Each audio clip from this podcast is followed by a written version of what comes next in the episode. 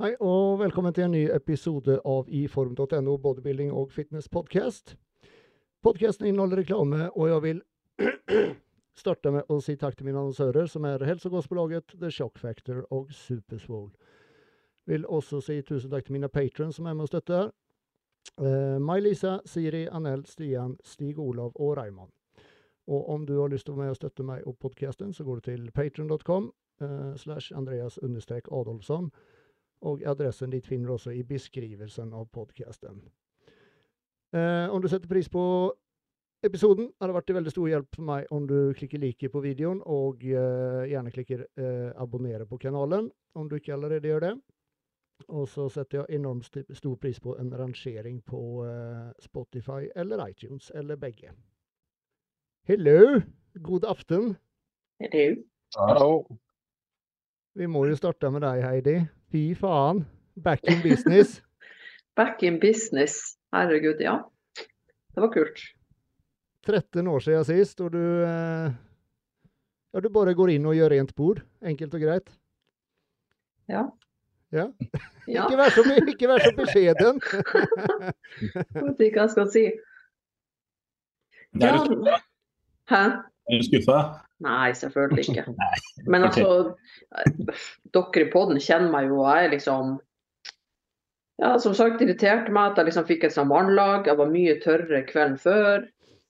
Um, ser liksom masse sånne detaljer, ting som skulle vært bedre. Så det er ikke sånn at jeg ikke er glad for det, men det er bare at jeg er en sånn type person. Da er det jævla gøy å vite da, at likevel når du ikke var på det du føler at er ditt 100% beste, så er du likevel bedre enn de andre. Ja, selvfølgelig. Det er jo kjempekult. Det gikk jo bra for det. Men eh, altså det er sikkert òg med at man skal konkurrere videre, liksom. Det var jo en type warm-up, liksom. For vi vet jo ikke egentlig helt med kroppen min, sånn at man er så fokusert på neste. Så man er liksom Jeg vet ikke, man har ikke stoppa helt opp, på en måte. Man bare fokuserer videre. Mm. Så det var perfekt timing da, at det var nå det skjedde, at ting ikke klaffa helt 100% for da har du noe å gå ut ifra til neste gang. Ja, det var liksom noen ting der jeg F.eks. tok jeg litt salt på riskakene før vi begynte å pumpe opp, og det skal jeg ikke gjøre neste gang, for jeg er sikker på at det var det som gjorde at jeg smuta. Kroppen min har det ikke veldig bra med Altså litt for mye salt, og så ja, går det galt. Hadde du, hadde du kutta salt dagene før, eller?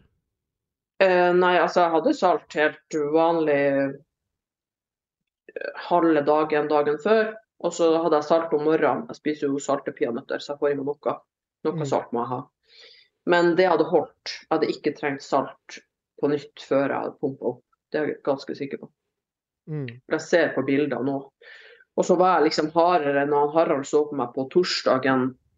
Da var jeg jo litt flat, men da var jeg jo mye hardere. Jeg hadde abs og ja, var i mye bedre form. Så det er liksom ja, litt sånn småting vi må bare gå gjennom og, og ta litt sånn stilling til hva vi tror som gjorde hva. Men det er jo, dere vet jo, det er jo det her som er vanskelig. Ja. Men mener du at du var, at du var hardere før du begynte å karbe, da, på en måte? Ja, det var jo absolutt. Men karbet du my veldig mye da, eller? Nei. Veldig forsiktig. Men jeg husker jo fra tilbake før òg, jeg måtte være veldig forsiktig med den altså De gangene jeg har sett best ut, så har jeg vært forsiktig med kar karbinga, liksom. Mm. Så jeg tror bare at jeg må være forsiktig med det. Og så har jo ikke jeg så mye som skal fylles ut heller. Jeg er jo ikke enormous, liksom. Nei, det er nettopp det. Jeg er jo, spe altså, jeg er jo ikke en stor bodyfitness-utøver, liksom. Så Men ja, som sagt, da har vi liksom lært litt, forhåpentligvis. Og ja. Og så litt sånn ting som på scenen at jeg må ordne, jeg må endre øyevåken, og jeg må være litt mer på. Der får man jo kjenne på den her utholdenheten i posering. sant? Å stå der. Plutselig så sto jeg litt og venta på bussen, for jeg var sliten. Så ja, men det er, jo, det er jo derfor jeg gjorde Sandefjord. Nettopp pga. alt det her. Det er bare det at inni meg så er den der Jeg er selvfølgelig dritglad for det, men inni meg så er det sånn her, faen. Faen, skulle gjort sånn og så, sånn og så, sånn og så. Men det, det, det er bare du som ser de så att säga, mistakene du gjorde. Da. For jeg, varken jeg eller Flisa så noe at det var noe gærent med, med iWalken. Det, det kunde Ja, ja. som visste, eller de som Ja, så- vet. da. Og så var det liksom, for denne gangen så hadde jo han Henning var veldig streng. Han hadde stoppeklokke på akkurat 20 sekunder. Så jeg fikk jo ikke gjort avslutninga mi eller noe, og dere vet jo selvfølgelig ikke det. For dere vet jo ikke hva jeg har planlagt. Men sånn at eh, bare det òg, jeg må liksom til neste jeg må planlegge det at det faktisk Jeg må ta vekk en posering, eller jeg må gjøre det litt annerledes, da, sånn at jeg faktisk får fullført det jeg skal. Jeg føler at du la litt mye i det der. Det at du, du kjente jo veldig godt til liksom Henning sin situasjon, at han skulle stå der og være så streng. Eh, ja, men jeg visste ikke at han skulle være så streng at han skulle ha en stoppeklokke, liksom. Jeg Nei, trodde men- bare at det var sånn vanlig 20 kan bli 25 sekunder, på en måte. Ja, for jeg føler det var liksom Mange andre hadde jo på en måte mer tid. Jeg tror du hadde mer tid også enn du på en måte innbilte der oppe. Eh, det, han har tatt tida akkurat 20 sekunder på Mm. stoppeklokka, så jeg vet jo at det var akkurat 20 sekunder. så, men det er bare at til vanlig så pleier jo ikke han å ha stoppeklokke, sånn, så hvis den går over til 25 sekunder, at jeg akkurat rekker å snu meg og ta opp handa og si adjø, på en måte, så er jo det de fem sekundene. Så det var jo bare at, ja, så det var jo bare at det lille jeg har planlagt med å avslutte med, det kom ikke med. Det er ikke noe krise, men bare jeg vet at neste gang at jeg må endre litt på det. Mm. Så Men ja, ellers er det liksom Ja, dere vet nå, man eh, er jo sin største Eller jeg er i hvert fall min største kritiker. Så, så sånn er det bare. Ja. Har du hatt no nok med meldinger å svare på, regner jeg med? Ja, dæven og tusen takk til alle som har sendt melding. Og jeg har svart absolutt alle, det er jeg ganske sikker på. Men dæven, ja, det var full innboks. Herregud. Ja, Marius, eh, ja, Marius sa det da når vi satt og, og kommenterte livestreamen, at uh, du var nå den med, med Du og, og Brian Skauen var nå de med, med mest uh, Hva skal jeg si fans i huset, altså. Ja, heia gjeng. Så, Men det er gøy. Det er skikkelig gøy når man liksom hører at det er noen som roper navnet ditt, og at, det liksom, ja, at folk er der for å se på deg. da. Det det er gir et godt kick når du hører eh, jubelen i salen når du går på. absolutt. Og liksom bare høre liksom navnet mitt. og og da når jeg kanskje plutselig har stått der og, og vært litt sånn venta på bussen, som vi kaller det for, så blir man jo litt på igjen. sant? ja. For det er jo slitsomt å stå der. Så jeg hadde noen moments der hvor jeg liksom å, skulle vært mer på. Så Anne Grete, hun ene dommeren, hun bare du, Plutselig sto du der og venta litt på bussen, og jeg bare Ja, jeg vet det! Faen. Men det er jo bare man er sliten, sånn. Men eh, nei, men all in all, herregud, dritfornøyd. Altså kjempegøy. Det er surrealistisk, men eh, fortsatt like gøy som før. Herregud. Det, Mm. mm. Ja, På tale om det med, med mye folk, det var, det var faen meg fullsatte mer eller mindre til, eh, til tider. Ja. Det var, Når vi, hadde, når vi kommenterte der, så var det jo fullt rundt oss. Men sånn Det kanskje var litt, litt annerledes mot, mot andre ganger, for vanligvis så er det liksom som fullest når det er bikinifitness, og, og liksom ut hele bikinifitness. Men, men, eh, men nå i slutten av bikinifitnessen så var det nesten ingen folk igjen i salen. Nei, jeg føler faktisk at eh, classic fysikk og classic bodybuilding har begynt å dra mest. Yes. Ja. Mm. ja, og egentlig, egentligen under bodyfitnessen nå så var det mye folk der, altså. Mm, Det var mer eller mindre fullt. veldig kult. Mm. Uh, jeg sjekka forresten uh, Du spurte meg, Heidi, om Geir sa uh, Heidi Voikjakoi'. Ja, ja, Ja, det gjorde han. det gjorde det. Jeg at han Andreas er sånn skikkelig skikk, greit jeg er same og kven, men jeg heter ikke Heidi Voikakoi. Det høres skikkelig karasjokk ut. Bare etter Heidi Jeg prater med deg også på scenen da. Hæ? Begynte ikke prate engelsk med deg også oppe på scenen da? Nei, gjorde han det? Nei, jeg husker ikke.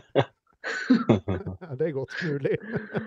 Ja, det er alltid når vi er dommere og sånn og skal presentere, så sier han Heidi Voika Koi. Hva faen, jeg heter ikke Voika. Ja.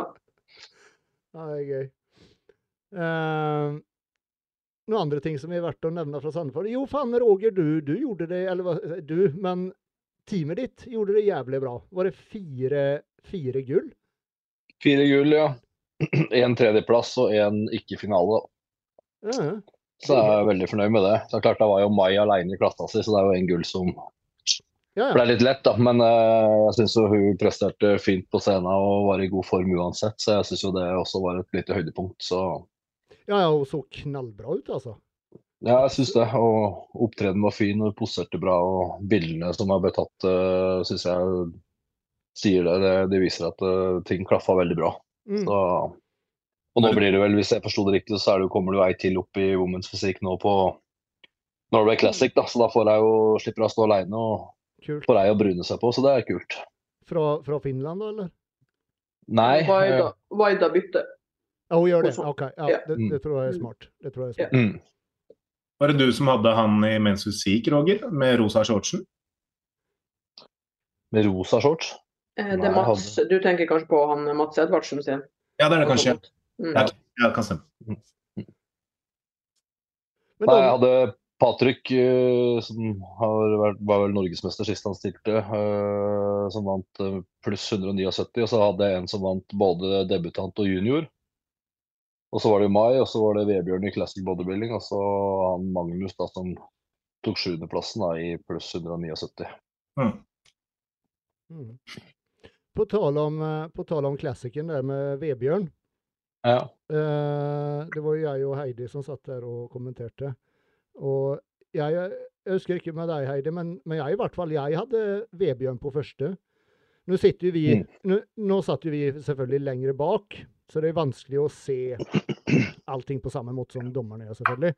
Men, ja. men just sånn når du, tenker, når du ser linjene til Vebjørn og, og eh, hva skal jeg si, jev, jevnheten han har i fysikken. Han har bra bein, han har liksom ikke noen sånn direkte svakheter. Greit nok at han kunne vært i litt bedre form, men jeg Mm. syntes allikevel ikke det Var nok, nei? Nei, at, eh, at formen var så dårlig, på en måte. Når du så Ronald var jo dritbra, absolutt, men han mangler litt på beina. ikke sant? Han var i knallform og massiv i overkroppen, men sånn i forhold så, så blir beina samme ja, og samme syns jeg også gjaldt han som tok andreplassen. Jeg syns Ja, også han hadde små bein. Så, Ja. så også det jeg ikke skjønner med det her, er jo Én ting er jo at uh, Ronald, som er såpass stor, blir jo liksom i den klassa med Vebjørn, som er en, uh, noen og seks. Liksom, det blir jo selvfølgelig massiv eh, Det er jo jeg vet ikke, er 30-40 kilo forskjell på gutta. Ikke sant? Men det er jo noe som heter symmetri. Ja. Og så syns jeg Vebjørn var desidert den beste posse, posøren, og at han i tillegg hadde best friprogram. Og enda så vinner han jo ikke friprogrammet heller. Han får ikke best score i friprogram, så, og det syns jeg er merkelig. Ja. Da, er det jo, da begynner det å bli sånn hvis ikke, hvis ikke det du har satt sammen og det du gjennomfører i friprogram ikke har noe å si lenger, da. det er jo bare så lenge du er størst, så, så vinner du i alle kategoriene. Da syns jeg det blir feil grunnlag. Men det er klart at nå er ikke jeg dommer, og, og klart det, det blir kanskje ikke helt nøytral heller, fordi han er min atlet. Men, Nei, men jeg har vært men med såpass lenge at jeg har jo, har jo liksom en, en liten ja, i hvert fall eh, litt grunnlag da, til å kunne uttale meg om hva jeg mener. Da. Ja. Selv Ja, om ikke jeg er jeg helt enig. og dømmer. Jeg er Ja. helt enig med deg, for det var akkurat det jeg eh, satt og sa til Heidi. Eh, Mm. og, og når han ikke Eller når han blir utropt på tredje, da blir jeg skikkelig overraska. Andre, er greit nok, men han faktisk Mm. Jeg trodde, jeg trodde han skulle få andre. Jeg trodde Mm. Ronald første, og så han andre. Men jeg tror også der hvor vi har sittet, for han eh, Firatsson fikk eh, andre, han var i bedre form enn han Vebjørn. Så det er nok form det har gått på, da. Ja, og det, og det jeg skjønner at form er, er eh, helt klart en viktig faktor, men jeg tenker at hvis du er komplett mot å ikke være komplett, så Jeg vet ikke hva som skal veie tyngst. Det er klart, Er du jævla dårlig form, så er det én ting, men Vebjørn var jo Han var ikke i jævla dårlig form. Nei, han var, eh, jeg synes han var grei i overkroppen, og så mangler han litt på beina, syns jeg. Det er eh, det vi jobber med. Så vi kjører den for hardt nå, så får vi se på Norway Classic. da, Og så er det jo, skal ingen ta fra noen av gutta noen ting. og ikke. Ronald var jo kanskje klart den som var i, i aller beste form av dem alle. og Han har jo også alderen på sin side ikke sant, når det kommer til det her med tynn hud og graininess og alt det her. Det er jo noe som kommer litt med åra. Og Vebjørn er jo ung og har jo ikke den samme muskelmodenheten og sånn. Så, Mm. så det, er, det, er, det er vanskelig. Og så er det alltid sånn når du sitter på utsida, så vil du jo din egen atlet til best. Og så er det, ja, Mm. blir man kanskje ikke alltid enig om alt. Nei, men altså uansett, man, man må jo få lov til å ha meninger. Og man har jo ulike meninger, sant? som vi har snakka om Mm. før. Til og med oss dommere har jo ulike meninger. Ikke Ja. sant? Så det må man jo få lov til. Ja. Altså, vi jager, øh, han jager nå, han kjører hardt. Så vi skal øh, forhåpentligvis komme inn med en skarpere look på Norway Classic. Så får vi se nå. Ja, Ja, han kommer til å bli veldig fin. Få han i form, så Mm. blir han kanonfin. Altså. Ja, det som er synd med han, er at han er jo han er såpass liten at det, det skulle Jeg skjønner hvorfor det ikke er Games Classic i Norge. For det er liksom det er såpass få deltakere at det er ikke noe vits å ha en klasse til. Men det er, øh, det er liksom, han har jo samme vektbegrensning i Games som han har i vanlig Classic bodybuilding. Fordi at den er så kort. Så han skulle liksom kunne gått i classic, Games Classic. Han hadde gjort seg selvfølgelig mye bedre der. mm. For da hadde han konkurrert med folk på så lik vekt, da. Mm. Mm. Så Men blir det, blir, det, blir det to høydeklasser nå i, eh, i, eh, på Norway Classic, eller? Aner ikke. Hvis det ikke er altså Nå, kommer jo kanskje en del altså debutanter. Nå har ikke jeg sett øh, om påmeldingslista på Norway Classic er oppdatert. Jeg se. jeg skal gå inn og jeg tror det står eh, mm, Jeg tror det står at det er 99, men det er 160 startende. Så den må sikkert oppdateres da. Ja. For jeg, jeg tipper jo det var jo sikkert en del av altså, debutantene på Sandefjord som kanskje kommer til å melde seg på, eller har meldt seg på, da. Mm. Forhåpentligvis, sånn at klassa blir litt større. Men øh, Se, 125 påmeldte står det at det er, også 168 konkurrerende. Ja. Ja. ja, for det er, 90, det er 99 norske. Sånn er det. Det er 99 norske. Jo, her står at det er pluss og minus eh, 180. Så det ja, er hvis det blir holdt, så blir det jo litt mer det er litt mer fair, da. Ja, ikke sant. Det er skal vi se, to, fire stykker i minus og fire i pluss. Ja. The way, Altså- Andreas, når vi ikke fikk med oss når Ronald plutselig var borte, Ja, så fordi han ikke kunne vakuum. Bra kommentatorer. Vi fikk ikke med oss det engang. å. Såpass, ja. Ja, så det var det. Han dro ikke vakuum. Det var derfor. Å ja. Ja, ja. Ja, godt jobba av oss. Ja, det, det må jeg si. Og i, i hvert fall du, Heidi, som er Du er jo dumme, for faen. Jeg vet ikke om det var da jeg snakka i telefon eller et eller annet. Nei, ikke, ikke skyld på det nå, faen. Men, men øh, Heidi kan jo skylde på at det er på diett, da, det minste, Andreas. Og jeg satt med en kake på innerlomma. Jeg hadde en kake på innerlomma. Ja. Så plutselig Ja, den, Ja, det var Andreas, når vi satt der og kommenterte, og det var liksom det var noe helt annet å sitte her og kommentere, for man blir sittende og se litt på hverandre, og man sitter liksom og følger med på så mye andre ting. ja, du gjør jo det. Du har jo ADHD, så du er jo faen meg all over the place. Jeg gjør seks ting samtidig. Ja, nei. Ja, det var eh, Vi hadde litt eh, utfordringer eh, der i starten. Hele serveren på i form krasja jo. Ja. Så det var jo et helvete. Men vi fikk det opp og gå til slutt. Men det, det gav en del utfordringer i forhold til at uh, lyd ble litt borte og litt sånt der. Men jeg har lastet opp, uh, opp eh, backup på alt. Alt der lyd og sånn blir borte, da. Så, uh, men det er alltid sånn, ved hver livestream så lærer vi alltid noe nytt mot hvordan vi skal sikre oss mot at ting ikke skal skje og sånn. Så det, det kan bare bli bedre sånn, Mm. sånn i framtiden. Så nå, nå har jeg faktisk sittet foran PC-en i hele dag og forberedt alt til Norway Classic. Så, eh, så jeg håper og tror at det skal bli eh, veldig bra. Eh, noen andre ting å nevne? Flisa, åssen gikk det med dine atleter? Hadde du noen Du hadde en del som stilte, du? Vi hadde med fem, fem stykker som stilte der sånn. Alle sammen kom til finale, så jeg er veldig fornøyd med, med prestasjonen til alle sammen. Så vi hadde vel eh, Nå husker jeg ikke alt i hodet, om det var én tredjeplass, to fjerdeplasser, en femte og en sjetteplass eller noe, tror jeg. Mm. Så, så vi var strålende fornøyde, egentlig, vi. Var det debutanter, eller? Alle var debutanter. Alle var debutanter? Ja. Mm. ja men så Så det var litt det som var altså det, Litt av det som er clouet. Nå har vi på en måte brukt tida sånn som Sandefjord er litt til. Eh, teste ut eh, litt ulike systemer. Eh, prøve en variant av tilnærming inn mot konkurransen.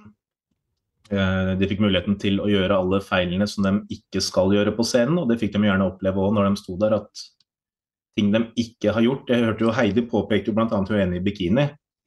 Det var vel i debutantklassen når hun kom på. Så var det en eh, med mørkt hår og rød bikini som Eide påpekte at hun var jo veldig fin. Og så steller hun seg opp i posering, og så forsvinner hun helt. Gjør ting hun ikke har gjort før. Står og bøyer knærne, står og bøyer albuene. Poserer på en helt annen måte enn det hun noensinne har gjort. Mm. Og det er jo litt litt det som skjer når du debuterer. Begynner å tenke på veldig mye, og liksom veldig mye som skal presteres på en gang. Mm. Så egentlig, for, for dem selv har det egentlig vært en kjempefin erfaring, for at de blir så mye mer klar over det også. Uh, blir så mye mer oppmerksom på de tinga.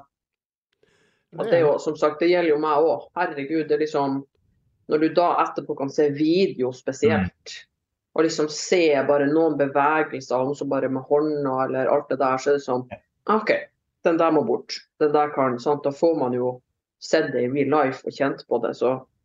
Det er nettopp det. Så nå har vi har sittet og sett gjennom hele livestreamen og liksom spolt tilbake og pirka og lett og sett på alt som kan endres på der. Så det blir jo liksom det blir mye justeringer da, til Norway Classic og visse fokusområder på dem å fokusere på. Mm. Og så møtes vi igjen nå på søndag hvor vi går gjennom ting en siste gang eh, samla.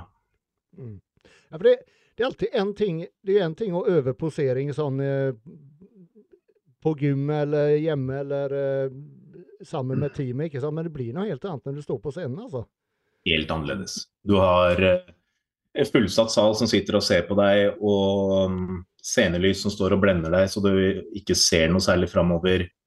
Varmen, stresset. Det er så mye nerver og tanker. Så det, mm, det er en helt annen opplevelse. Vi, vi prøver jo å si det til utøverne. Jeg tipper stort sett alle team forteller litt om at ja, dette kommer til å skje og sånn og sånn.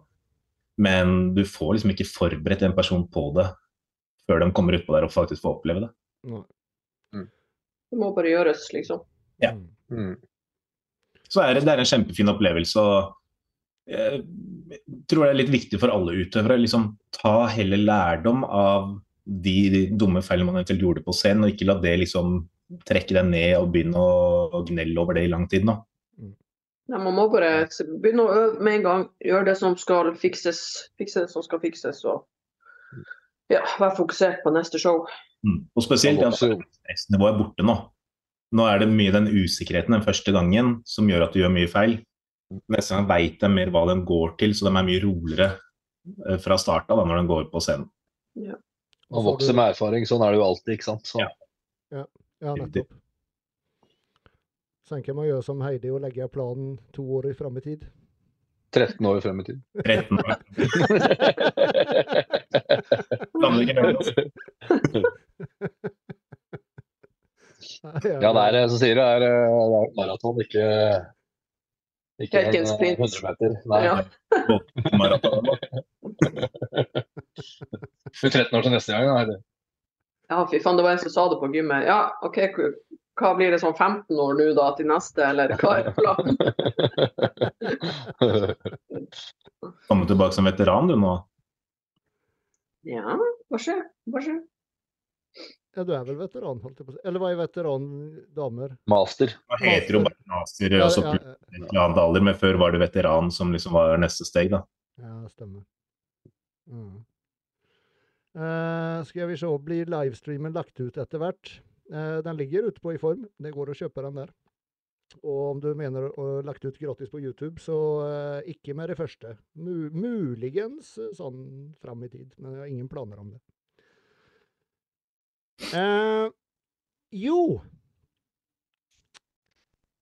Jeg Eller rettere sagt, Heidi, du la ut en story her for noen dager siden. Jeg går på den. Eh, var det i går? Forrige går var det vel? Var det kanskje? Ja, eh, skitsamma. Uh, I hvert fall, du hadde fått en eh, kommentar på uh, bilder du la ut. Uh, Ja. jeg tenkte jeg skal ta og lese den her. Det er da fra en som kaller seg Texas-Line på Instagram. My, my God. So much work and you look like a transgender. Are you even a female? Such a shame. About, about to transform to another gender. Jeg tenker Hva faen er det som får noen til å slenge ut seg en sånn kommentar? Ja, det er spesielt. Men jeg sa det òg bare. Det er med en gang du kommer i form, konkurrerer som der Før når jeg konkurrerte, jeg fikk masse sånne sjuke kommentarer på bloggen min. Det var sånn voksne folk Det er ikke rart at unger blir mobba på skolen. Når det er sånn her er onkel og tante eller mor eller far eller whatever. altså Det er jo helt sprøtt. Det, det, det er helt insane. Men jeg føler, eller lurer på, er det, er det verre for dere damer? Dere får mye mer sånn dritt av andre jenter, ikke sant? Eller? Jeg vet ikke. Jeg vet egentlig ikke. Jeg vet bare at hver gang hvis, det, hvis jeg går ned i fettprosent og ser litt rå ut, eller det vi syns er rå, dæven da, da kommer det akkurat sånne der kommentarer. Det er helt utrolig, altså. Ja, det er jo, jeg syns det er merkelig. Altså, en ting er hva folk tenker i huet sitt, men også, også drive og sende sånne meldinger. Jeg skjønner det faen ikke. altså. Nei, det, Nei, også, og at, det- akkurat som at det er greit fordi at jeg er trent eller whatever. Men hvis jeg ser at uh, noen hadde skrevet det f.eks. til noen som var overvektig, eller i en, uansett hvilken annen setting, så hadde det vært helt sånn. Fordi du skriver det til noen som er trent, så går det liksom greit. Da er det greit, ja. Ja, ja, det er helt idiotisk. Heldigvis. Jeg ler nå bare av det, men eh, ja, det der er, det er, mange, det er mange av de der. Problemet er at det går jo veldig inn på veldig mange også, for det er jo mye sånne stygge kommentarer om det der. Jeg tenker bare folk som får sånne kommentarer, kanskje, jeg vet ikke, ukentlig eller Uff. Jeg tenkte, og, og det som så jeg syns er litt eh, fascinerende i det her eh, tilfellet, da, jeg tenkte vi skal gå inn og kikke på Texas-Line her. Jeg sendte, jeg sendte faktisk en melding til Texas-Line i går, men eh, hun har ikke eh, svart ennå. Dere må jo være med på en episode. Ja, ja, ja. Det var egentlig det jeg tenkte jeg skulle gjøre. Skal vi se. Så Her. kan det forklare seg. Her er Texas-line. Eh, og det, det første jeg tenker når det er noen som ikke har så jævla mye bilder av seg selv, så er de ikke sånn helt komfortable med sitt utseende. Men det var et par bilder her. Her er ryggen til Texas-line. Tenk om jeg skulle skrive en kommentar her, liksom. Et eller annet stygt, ikke sant? Bare fordi at jeg ikke liker det jeg ser. Skulle aldri falle meg inn. Nei, det hadde aldri falt meg inn. Aldri! Det er, det er det som er litt spesielt. Altså, jeg tror vi alle gjør oss opp noen tanker om enkelte når vi liksom ser ting. Det er ikke alt vi liker, men da velger vi heller å bare ikke si noe. Ja, men- jeg mener, som jeg- jeg, jeg hater røyk. Ikke sant? Og hun sitter der med en uh, sigg i kjeften. Om jeg da bare skulle slengt ut meg da, hvor, hvor jævla idiotisk det er å røyke, etc., etc., skulle aldri falle meg inn. Jeg bare velger heller å ikke si noe. Men så det jeg syntes var litt morsomt, jeg så et eh, Ja, ja, ja, skikkelig stalker jeg Texas-linje. Jeg provoserer deg skikkelig. Jeg sa det til han Andreas, hun vet ikke hvem hun, hvem hun fucker med. Men det var et eller annet, en eller annen post hun hadde lagt ut. her. Hva var det det sto? Faen, nå finner jeg ikke den. Ja, det var et eller annet eh, Jo, her. Da har lagt ut her. Hurting someone can be as easy as throwing a stone in the sea. But do you have any idea how deep that stone can go? Ja. Så liksom, nei, nei, men selv, selv så kan du slitte, sitte Så og står det enda Kanskje hvis du er grei, kan du redde et liv. Ja. Ja. Kanskje du starter med deg sjøl, da. Ja, nettopp. Mm. Mm. Nei, som folk sånn eh, generelt føler for det, så eh, sjekk opp eh, Texas-Line og send henne noen hyggelige meldinger. For det, det, det, det er sånn hun liker å gjøre. Nei, faen, ass. Nei, sånt, sånt irriterer livet ut meg. Og det er Ja, jævlig spesielt. Det er Provoserende. Det er det. Uh, ja. Noen andre ting som er verdt å nevne? Som noe som kult som skjer fram mot uh... Ja, faen, det er jo påske nå. Har dere noen planer, eller? Heidi, du skal bare være hjemme og trene og spise, du. Bli, bli kvitt det vannet jeg har dratt på meg. Roger, noen planer, eller? Reise bort? Nei, det blir bare noen slipptur til noen familie og slappe av litt, selvfølgelig. Nyte at de har litt grann, eh, fri. Jeg jobba jo til og med i dag, så det blir uh, Ja. Blir noen late morgener, og det blir jo fulle opp atletene videre. Så også prøve å få gjort litt skolearbeid, tenker jeg. Og så som sagt blir det noen dager med familie, da. Så det blir jo koselig. Mm. Ja. Marius? Ingenting. Det blir egentlig bare å være hjemme og jobbe opp mot neste konkurranse. Jobbe litt med type justeringer og tilbakemeldinger og sånt der. Mm. Jeg føler liksom aldri at det er noe rundt den der påsketida liksom ta seg fri sånn midt oppi mellom konkurransene. Det føles bare stress ut, bare tanken på å skulle gjøre det. Ja, Jeg har sånn, Hvis ikke reiser hjem til liksom hytte og sånn, så er det akkurat som ikke påske. Bypåske er så rart for meg. Så da føles det, føles det bare ut som vanlig dag uansett. ja.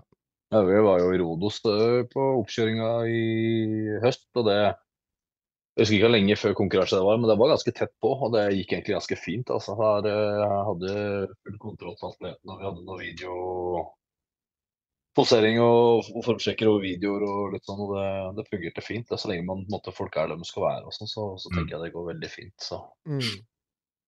Hvor, ofte, hvor ofte har du, har du på en måte kontakt med de du følger opp? Er det snakk om hver dag, liksom? Ja, nesten. Det kommer litt an på hvem det er og hvordan de ligger an og sånn. Ofte er det sånn som eh, de fleste nå har fått beskjed om å sende full update annenhver dag, da. Og så er det inn i Peak Week, så er det kanskje daglig. Så, Mm.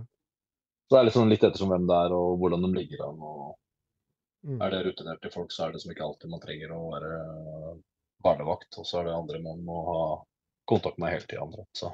Mm. Mm. Skjønner, skjønner. Jeg og, jeg og fruen skal faktisk en tur til eh, Lillehammer. Ja, det er nesten dine hjemmetrakter, eh, Roger.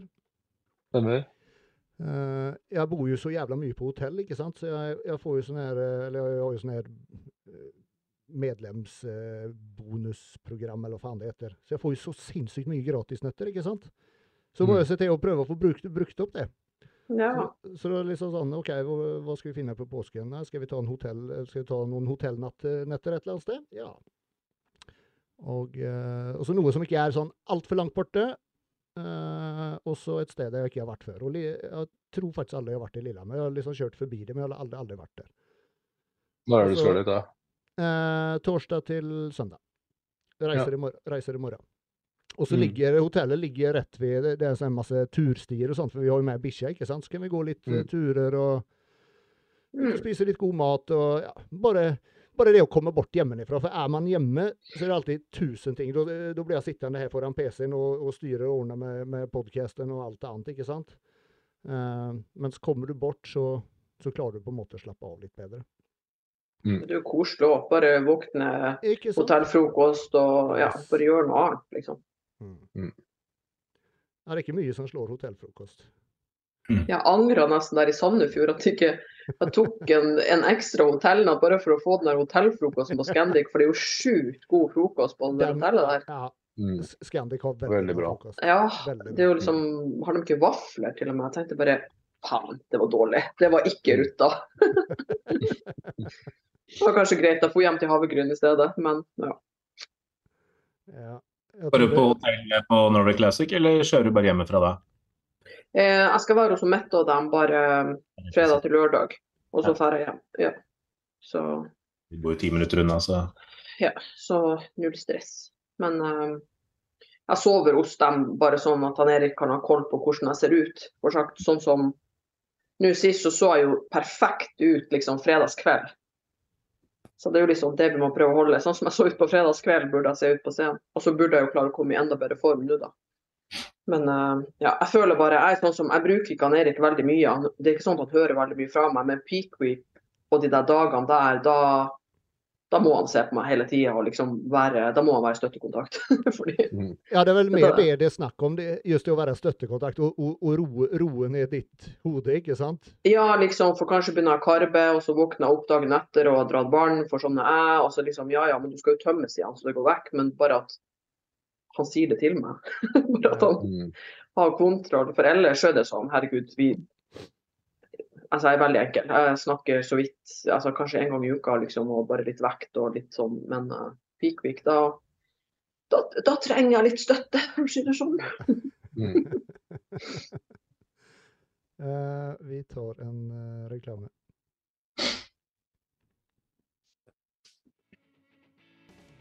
Synes du mat og kosttilskudd har blitt dyrt i Norge?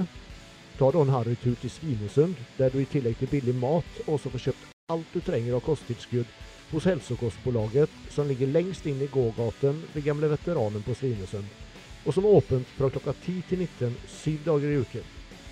Med uslåelige svenske priser består sortimentet bl.a. av kosttilskudd, treningsklær, hudvårdsprodukter, helsekost og CBD-olje. Verdt å nevne er at styrken i mange vitaminer er mye bedre enn her hjemme i Norge. D-vitamin f.eks. kommer med opptil 125 mikrogram. Med et stort og veldig bredt sortiment finner du alltid det du er på jakt etter.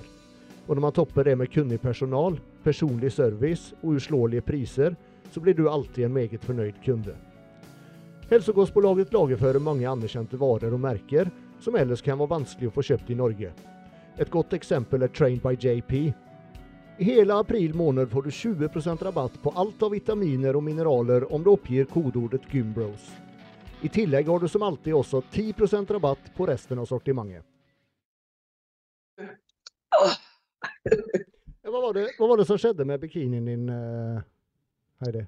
Den, Eh, den første du egentlig skulle hatt? Altså, jeg bestilte en bikini fra ei som syr bikinier til dem på Olympia. Og så skulle jeg ha en sånn og sånn, og så når den kom, så var det sånn at den var 50% steinsatt. Og ja, jeg skulle ha mindre steiner enn det som var på den bikinien jeg hadde sendt bilde av, fordi den kosta 22 000. Så liksom Men det var så lite steiner at den så ikke, den så ikke ferdig ut engang. Det så ut som at jeg hadde bare fått en halvferdig bikini, og så sa hun at ja, men trusa di eh, er mye større, for jeg må ha veldig stor truse. Så det var mer stoff på trusa mi, så da, da ble det jo sånn fordi at steinmengden var den samme. Så hvordan skal jeg som kjøper vite at min størrelse på trusa gjør at det blir færre steiner? Altså, hallo. Det går jo ikke an. Så det endte bare med at jeg fikk jo den bikinien ganske seint, og ja, det var alt- det var altfor lite steiner på den. Det så halvveis ferdig ut. Hun kunne liksom sende en ny, men det orka jeg ikke å ta sjansen på engang. Fordi for den toppen hun hadde òg egentlig lite steiner og sånn. Så da bare har Marius ordna meg med ei i Belgia, hva hun heter igjen? Eh, dis- Hva sa du? Bedazzled. Ja, Bedazzle. Ja. Mm. Så hun fikk sendt den ni, ja, ni dager før konken, så hadde jeg jo ikke bikini. Så hun bare fikk sydd eh, og ordna, og jeg sendte mål, og heldigvis ordna det seg. Men det var, som vi sier hjemme, det var på fetthåret. Mm.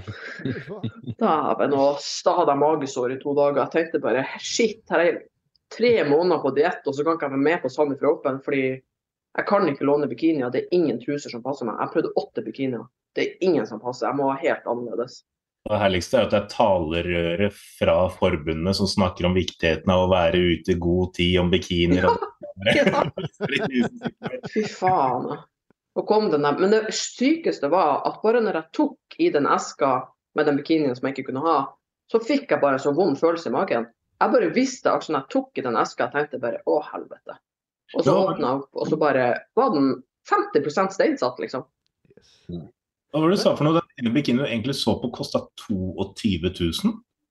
Ja, det er, det er jo den på Olympia, liksom. Men Ja, eh, ja, ja, det kosta eller? Ja, gud vet. Men jeg tror at så lenge ikke du kjøper en sånn svindyr bikini, så er det kanskje ikke så Da tar hun det kanskje ikke så nøye, jeg vet ikke. Men uh, det gikk nå heldigvis bra. Men uh, ja, det er lurt å være ute i god tid. Men jeg var ute i god tid, og det skjedde for det. Så ja, shit, shit, kanskje. Det er det som fort skjer, og det, er derfor jeg er veldig fan av eh, Nå pleier jeg hovedsakelig å bruke Kompetit, Altså er konkurrenten til Bedazzle, som, eh, som du fikk fra nå. Men sånn som når du bruker fra hun Kompetit, så er det liksom Hvis sånne type ting skulle skje, da, at du sitter der typ en uke før eller to uker før med en bikini som, som hun har laga, som ikke passer, noe har blitt ødelagt eller hva som helst, så ordner hun gjerne opp med en type lånebikini som hun bare sender deg, som du får til den konkurransen som du sender tilbake etterpå. Ja. Du, du stiller liksom opp for deg uansett, og hun er opptatt av at det du, du har kjøpt et produkt av hun, så hun stiller opp på alle måter hun kan for å i hvert fall redde det inn der og da, på en måte. Ja, det er jo lurt at team har en, en syerske de forholder seg til, for da er det jo mye lettere å ordne opp i enn at jeg skal ordne opp med en amerikansk syerske som liksom Ja, hun tok et depositum, og jeg mista de pengene, og jeg måtte bare høsle som faen for å finne noen andre. Men Mm. er det ingen i Norge som, som syr bikini lenger? Nei, det er det som er så dumt. Og så er det dumt òg, det er jo derfor jentene mange ganger får feile truser og illusjonen blir rar. Og fordi at det er ingen å dra og ta konkrete mål av. Sånt. Jeg sender jo målene mine, for jeg vet jo sånn cirka, men er du debutant, så vet du jo ikke det. Så før når vi hadde Toril på Sefa, så for vi jo til henne. Og da sto du jo der og ble liksom Alt ble til der, liksom, så du kunne dra dit en uke før nesten, når du var deffa. Og, og, Ja, Ja, det var Første trusa mi, ja, første mi var jo for å se på. ja, Ja, ikke sant? Og det var jo samme hun Wenche i Sandefjord, for hun holder vel ikke på lenger heller? Nei. Så det liksom, jeg sa det, til, hvis det er noen eh, nordmenn som uh, har lyst til å starte business, kan jeg love at dere kan dra inn penger på å starte en ordentlig sånn bikinigreie her i Norge. For det Bare det at jentene kunne dratt en plass og prøvd, Mm. fått trusa så høy som den trengs, at det hadde vært så annerledes og så mye lettere. Mm. Herregud. Jeg kjenner det for meg som er en ekstremt stor trygghet. Det å liksom ha, ha kompetit, da, som jeg veit at først og fremst leverer veldig bra og fine produkter. Men også at hun alltid stiller opp uansett hva. Så jeg kan egentlig bare be jentene mine kontakte hun, og så ordner hun resten. Jeg trenger liksom ikke styre noen ting med det. Mm, det, Jeg veit at hun leverer bra ting på det. Mm, Tidligere så var det jo ei fra Danmark som uh, sydde, og hun kom ut til Oslo og var i Oslo en helg, så man kunne treffe henne på hotell og se på stoff og få målt og Du tenker ikke Ja. på Frøydis? Ja, det var sikkert det, kanskje. Nei, ja, nei, nei, nei, hun her var fra Danmark. Ei som var eh, fra Danmark, og så har, hadde, tror jeg solgte selskapet sitt etter hvert til noen i Spania. Ja. ja, jeg tror jeg vet hvem du mener. Men uansett, det er jo noe som liksom funker, da, i hvert fall at du får liksom prøvd den. Liksom, det, det er så Det har så mye å si på illusjon, da, liksom. Har du feil truse, eller har du feil topp, eller Uff, Ja. Men, Vi kommer nok til å gjøre det. Det var egentlig litt tanken nå på workshopene som vi hadde med Magnifique Posing. Så var det egentlig litt av tanken, men så passa det ikke opp. Men tanken framover er at vi kommer til å dra med Kompetit til å bli med og holde bikinistand der samtidig. Så kan jentene få prøve bikiner og se forskjeller og få forklaringer og sånt direkte av henne. Mm, det er kjempebra. Mm. Absolutt. Eh, nå blir jeg invitert på en treningsøkt i Lillehammer her. Eh, Hyggelig. Ja, vi eh, Jeg skal jeg første han eh, med fruen, eh, Tore, men eh, jeg takker for tilbudet. Det er mulig jeg tar kontakt. Uh, det er viktig bare at de ha sånn handikapsanpasset uh, treningsstudio, for jeg må ha rullatoren min med meg. Det er ikke lange kjøreturer til Flex, da, så du kan jo trene en dag der. Hvis du sender melding til Ahmed, så får du garantert lov til å komme. Hvor langt langt det er til Gjøvik fra, fra Lillehammer. Ja, 35-40 minutter, kanskje. Ikke lange turen. Det er ikke det. Nei, det er jo ikke det. Her hjemme så har jeg, jeg har syv minutter til gymmet med bil, ja. Ja, jo, jo, men nå er det jo borte. Det er det det blir noe annet. ja. Nei, det er faktisk godt mulig å ta helt treningsfri. Vi får se. Eh, vi har eh, to eh, VIP-billetter til å lodde ut. Eh, og vi har fått inn litt uh, spørsmål. Jeg tenkte vi kan ta og trekke vinner direkte. Eller vi fikk faktisk ikke inn så veldig mange spørsmål denne gangen. Men så maste ikke jeg så veldig mye om det heller. Men vi skal se uh, tar vi en sånn her random nummer. Nummer fem. Skal vi se hvem har sendt inn spørsmål nummer fem. En, to, tre, fire Fem. Anders Venås. Det er moro. Gratulerer. Ja, det er vel utover til deg, Marius, er det ikke det? Han stilte jo nå i, i høst Ja, i stemmer det. Ja, Både han og dama hans. stemmer. I hvert fall, gratulerer, Anders. Du har vunnet to VIP-billetter til Norway Classic, og de vil bli utlevert i eh, døra der. Eh, jeg skal ta og sender en melding om dette også, om du ikke får med deg det på podkasten. Eh, spør Jostein, han kjenner meg. Ja, det skal jeg gjøre. Han er dessverre ikke med på podden i dag, men om jeg snakker med han, så skal jeg gjøre det. Tore Myrheim. Uh, skal vi se Vi tar litt spørsmål, da. Skal vi se. Anders, han spør Hva syntes vi om nivå Eller hva syntes dere om nivået i IFBB Norge generelt versus andre land?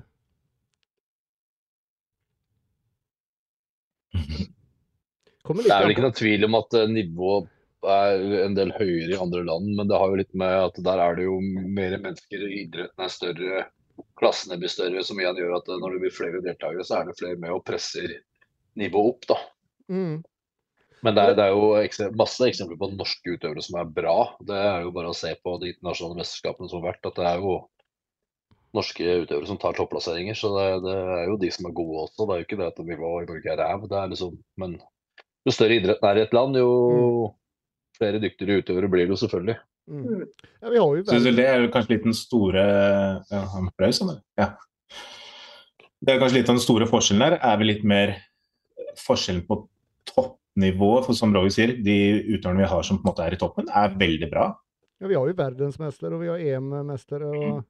Vi har, vi har, et høyt nivå på, på mange, men jeg syns det er et veldig stort sprik på en måte fra de som er, som er virkelig bra og nedover. Så er det på en måte veldig, mm. Veldig stor forskjell. Og det er kanskje mye som skiller i utlandet, at du har et større spekter da, med mange som er mm. gode, hvor det kanskje kunne vært syv, kanskje overdrevet, men kanskje syv-åtte stykker som kunne vunnet. da. Mens her står det kanskje to. Men du, mm. du har jo snakket, Marius, om, eh, om uh, i Finland, når de har mm. stevner der, så er det jævlig mange deltakere, ikke sant? Men, men, men, men sånn innbyggermessig, hvor mange, hvor mange innbyggermessig, eller, hvor mange innbyggere er det i Finland, egentlig? Det er vel ikke mange som Norge. Ja, ikke sant? Og de har typ var, var det ikke du som sa de hadde 500-600 deltakere på hvert stevne? Stemmer. De er bortimot 500-600 utøvere per stevne. Og de hadde jo stevne nå, de også, nå i helgen. Mm. Jeg satt og så livestreamen der sånn fra, fra Finland. Og det var altså Bare i, i bodyfitness-klassen og sånt, den var liksom 18-20 stykker i hver høydeklasse der. Um, det er klart, De også har sine utøvere som virkelig ikke er bra. og Det er liksom, det er spekter der òg, men de har et ekstremt nivå. Det jeg syns er den store forskjellen, da, er litt de, gjør ting litt annerledes, sånn som vi, vi, gjør her med mange av våre. At vi møtes jo ukentlig, har poseringstreninger og sånt med utøverne. Der er utøverne på en måte litt mer selvstendige om å øve på egen hånd.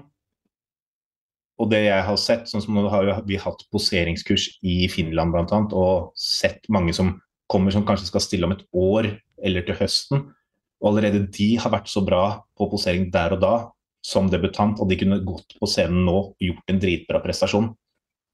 Så jeg føler at mye av forskjellen der er egeninteressen, det de putter inn i det, og hvor mye de legger i det å øve på egen hånd. Der føler jeg det er veldig stor eh, forskjell.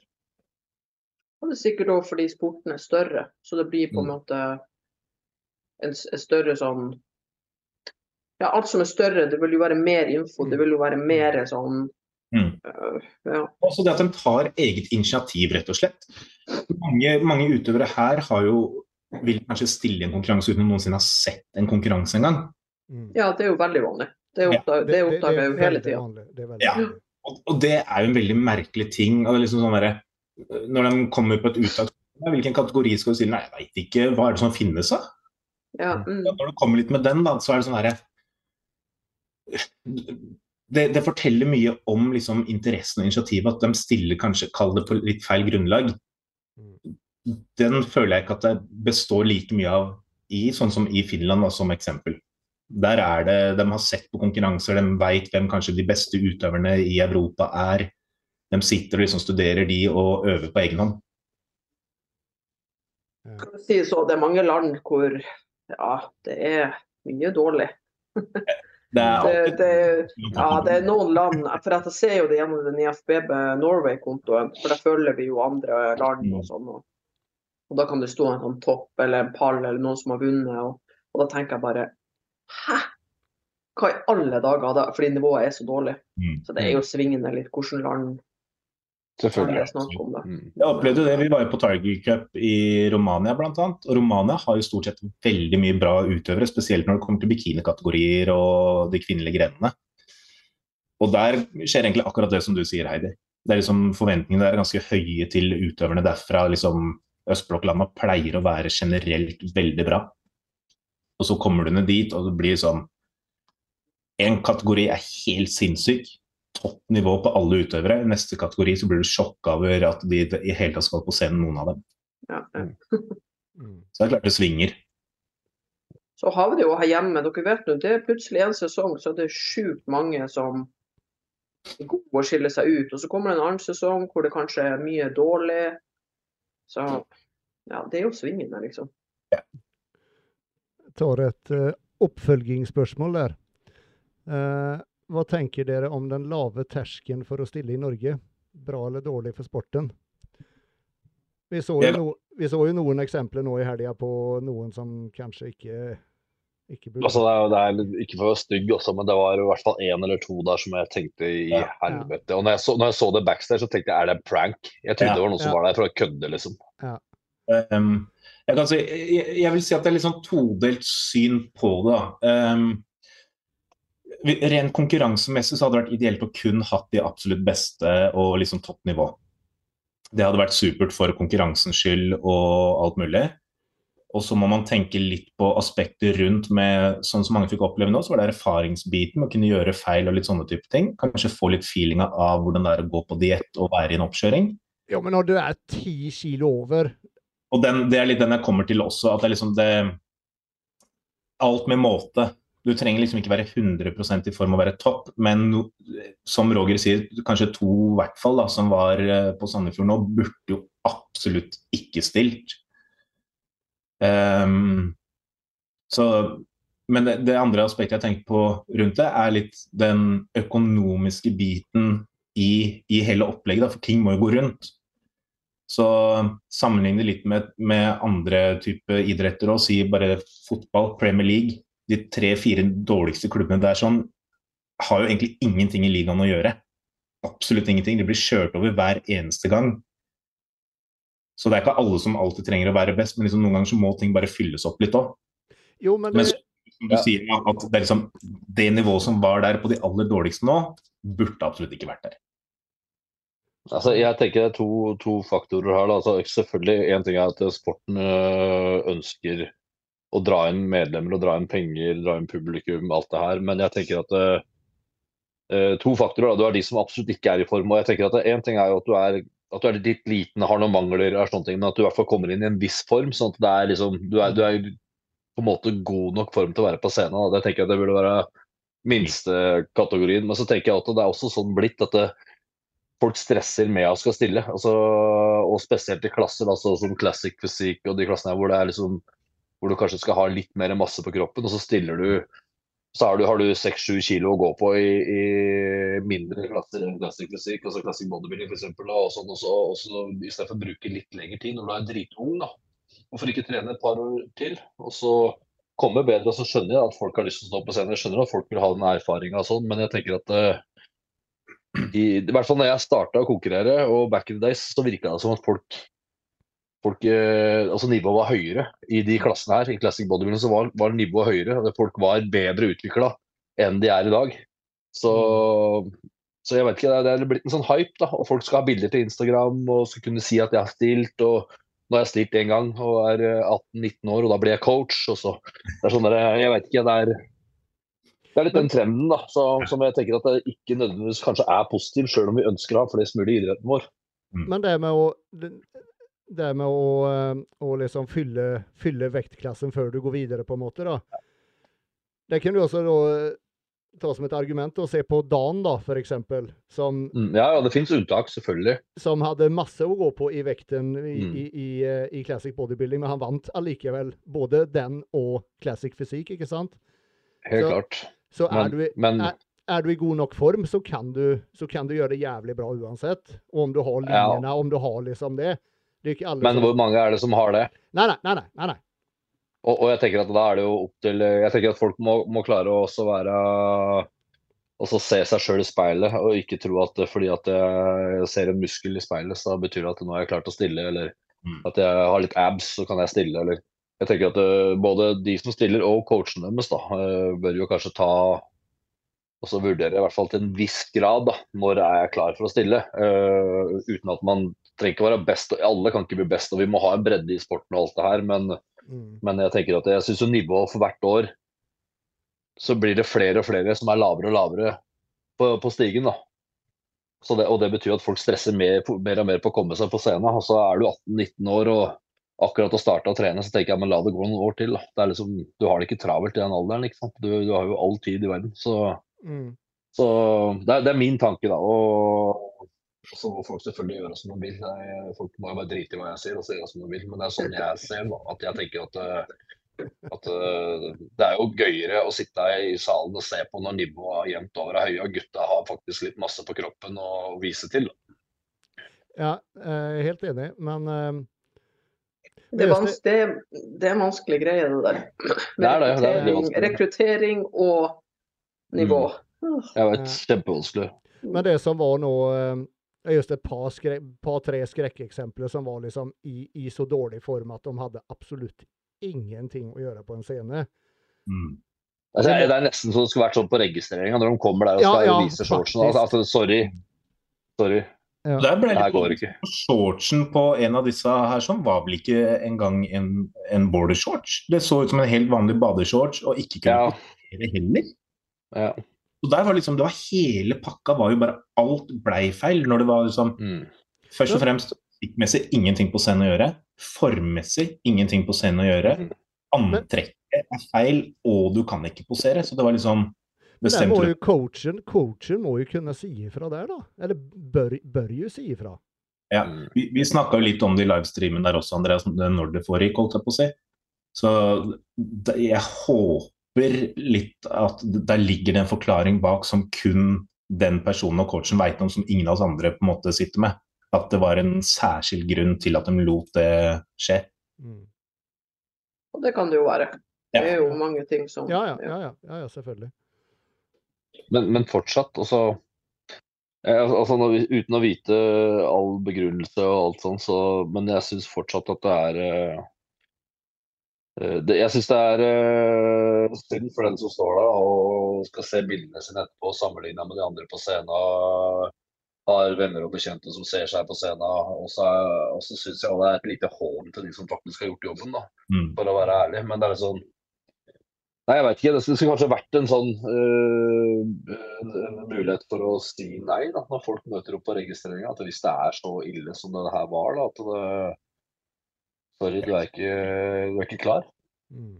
Enkelt og greit. Jeg vet ikke. Det er, det, og igjen så er det selvfølgelig kjempevanskelig. Det er jo ikke, Var det- ikke enkelt, men Var det, var det nå på EM som var nå? I våres, hvor det var en dame som sto på scenen i bikinifitness. Som var Hun var vel bort mot eh, mellom 10 og 15 kilo for tung. Hadde en helt vanlig bikini, vanlig platåsko. Var ikke Og- det når vi var coacha? Jo, det? det var når vi to det. Ja, jeg tror det. Men da vil det si at da har hun vunnet et eller annet hjemme i landet sitt? Det er vel litt ulike kvalifiseringskrav for hvert enkelt land. Hun kan ha stilt for IFBB-flagg. Så da representerer du på en måte ingen nasjon heller. Du trenger bare å få en type godkjenning fra en representant der nede og få godkjent å stille. Så det er et godt spørsmål først og fremst. Hvordan har hun fått en kvalik til å bli med der? Mm. Spørsmål nummer to er jo hvordan kom hun seg gjennom registreringa med den bikinien? Det var heller ikke godkjent. Det var jo en helt vanlig type bikini, liksom. mm. Det var mye som skurra, men altså, hun var jo et prakteksempel på liksom, som vi snakker om nå, at hun burde vært fjerna for lenge siden. Skulle aldri sluppet gjennom. Og så bodde Det er er hån Ja. mot alt. Mm. Men det er Og så finnes det er helt i form og sånne ting. og det er liksom ikke ideelt, ikke optimalt, men så er det liksom litt andre grunner som kan ligge bak erfaringsmessig og alt mulig sånt, at det kan være en fin erfaring, da. Mm. Ja, Ja, og det er som jeg sier, at en ting er liksom om du ikke, ikke er den beste, at du har mangler, at du, Mm. og, så- og sånne ting, men, men som sagt, det burde i hvert fall en minimum av form burde være til Ja. stede, da, og du burde ha øvd poseringer og de tingene her i det minste, liksom. Ja, alt annet burde på en måte være på plass. Ja. Jeg er helt enig. Ehm.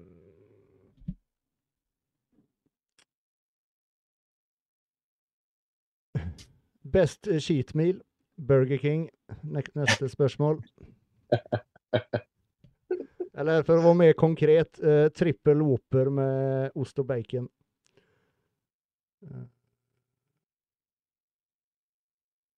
Ja, Du tok vel et allment svar der, regner jeg med? Ja, jeg svarte for alle sammen.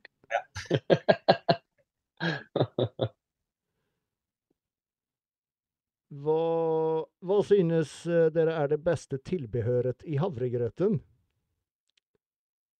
Heidi, du snakket så varmt om eh, havregrøten din i helgen. Ja, men jeg er jo gørr. Altså, jeg spiser jo, jeg spiser jo ikke havregrøt engang. Jeg spiser bare tørr havregryn, proteinpulver, nøtter, kaldt vann, blande og spiser det. Så jeg spiser jo ikke engang havregrøt. Jeg spiser havregryn Ja, ja, ja, som men, da har jeg jo bare Altså, jeg er gørrkjedelig. Da har jeg cookies and cream proteinpulver oppi med nøttene, og det er det jeg spiser. det jeg gjør, det er eh, Jeg liksom blander havregryna sammen med vann kvelden før, og så setter jeg det inn i kjøleskapet så jeg svelger opp. Mm. Svær bolle med også rosiner og nøtter og alt dette, og så blander jeg i proteinpulver dagen etter. Og det er så, fy faen, det er så jævla godt. Som jeg sa Jeg til blander deg aldri ja. Hæ? Nei, Jeg eh, prater. Som jeg sa til Heidi i helgen, at om jeg skulle velge én matvare jeg skulle leve på resten av livet, da tror jeg faen meg det hadde vært havregryn. Altså. Jeg blir, Ja, jeg blir aldri lei. 100 Ja, Havregryn for life. yes. Elsker havregryn. Ja, jeg, jeg er sånn Proteinpulveret dagen etter med når det er uh, tråkket sammen. Hva, uh, hva sa du, Marius? Vi ut proteinpulver dagen etter når det allerede er trukket og blanda sammen. Det, det gjør jeg òg nå, Ja, når jeg har så lite havregryn. Så har jeg den liksom i Så den er liksom sånn her kjøleskapsgrøt mm, som er microwava, og så har jeg gryn, nei, eh, proteinpulver over da dagen etter. mm. For, det så li, for det er så lite, så jeg må bare få det til å bli større. Men til vanlig gjør jeg ikke det. Ja, jeg blander alltid eventuelt inn sammen med havregrøten først før jeg hiver oppi noe væske. for å få det, Jeg syns det blir mer blanda, mindre klumpete og sånt. Da. Ja, da tror jeg du skal bytte proteinpulver. Og jeg har aldri blanda proteinpulver inn i havregrøt, faktisk. Eh, Hæ? Det har det. Jeg drikker, jeg drikker proteinpulver ved siden av. Så har jeg før så var det sånn, hadde en skål med protein, hadde i vann sånn at det dekka proteinet inn i mikroen. Men nå er det sånn at jeg må koke det og vispe det sånn at det på en måte får, blir så fluffy og, og smooth som mulig. Og tre ting jeg må ha i havregryn, det er litt salt, det er uh, Splenda og det er kanel. Og så er det sånn luksus eh, med litt, litt av skje med peanøttsmør og litt eh, sånn lavkalori kanel, nei, karamelltopping. Det- Da er det helt perfekt. Ja. Så Du du har har, jo luk, det er jo luksus. Det er jo du- skikkelig sånn du har aldri Ja. blanda proteinpulver inn i havregryna? Hæ? Nei.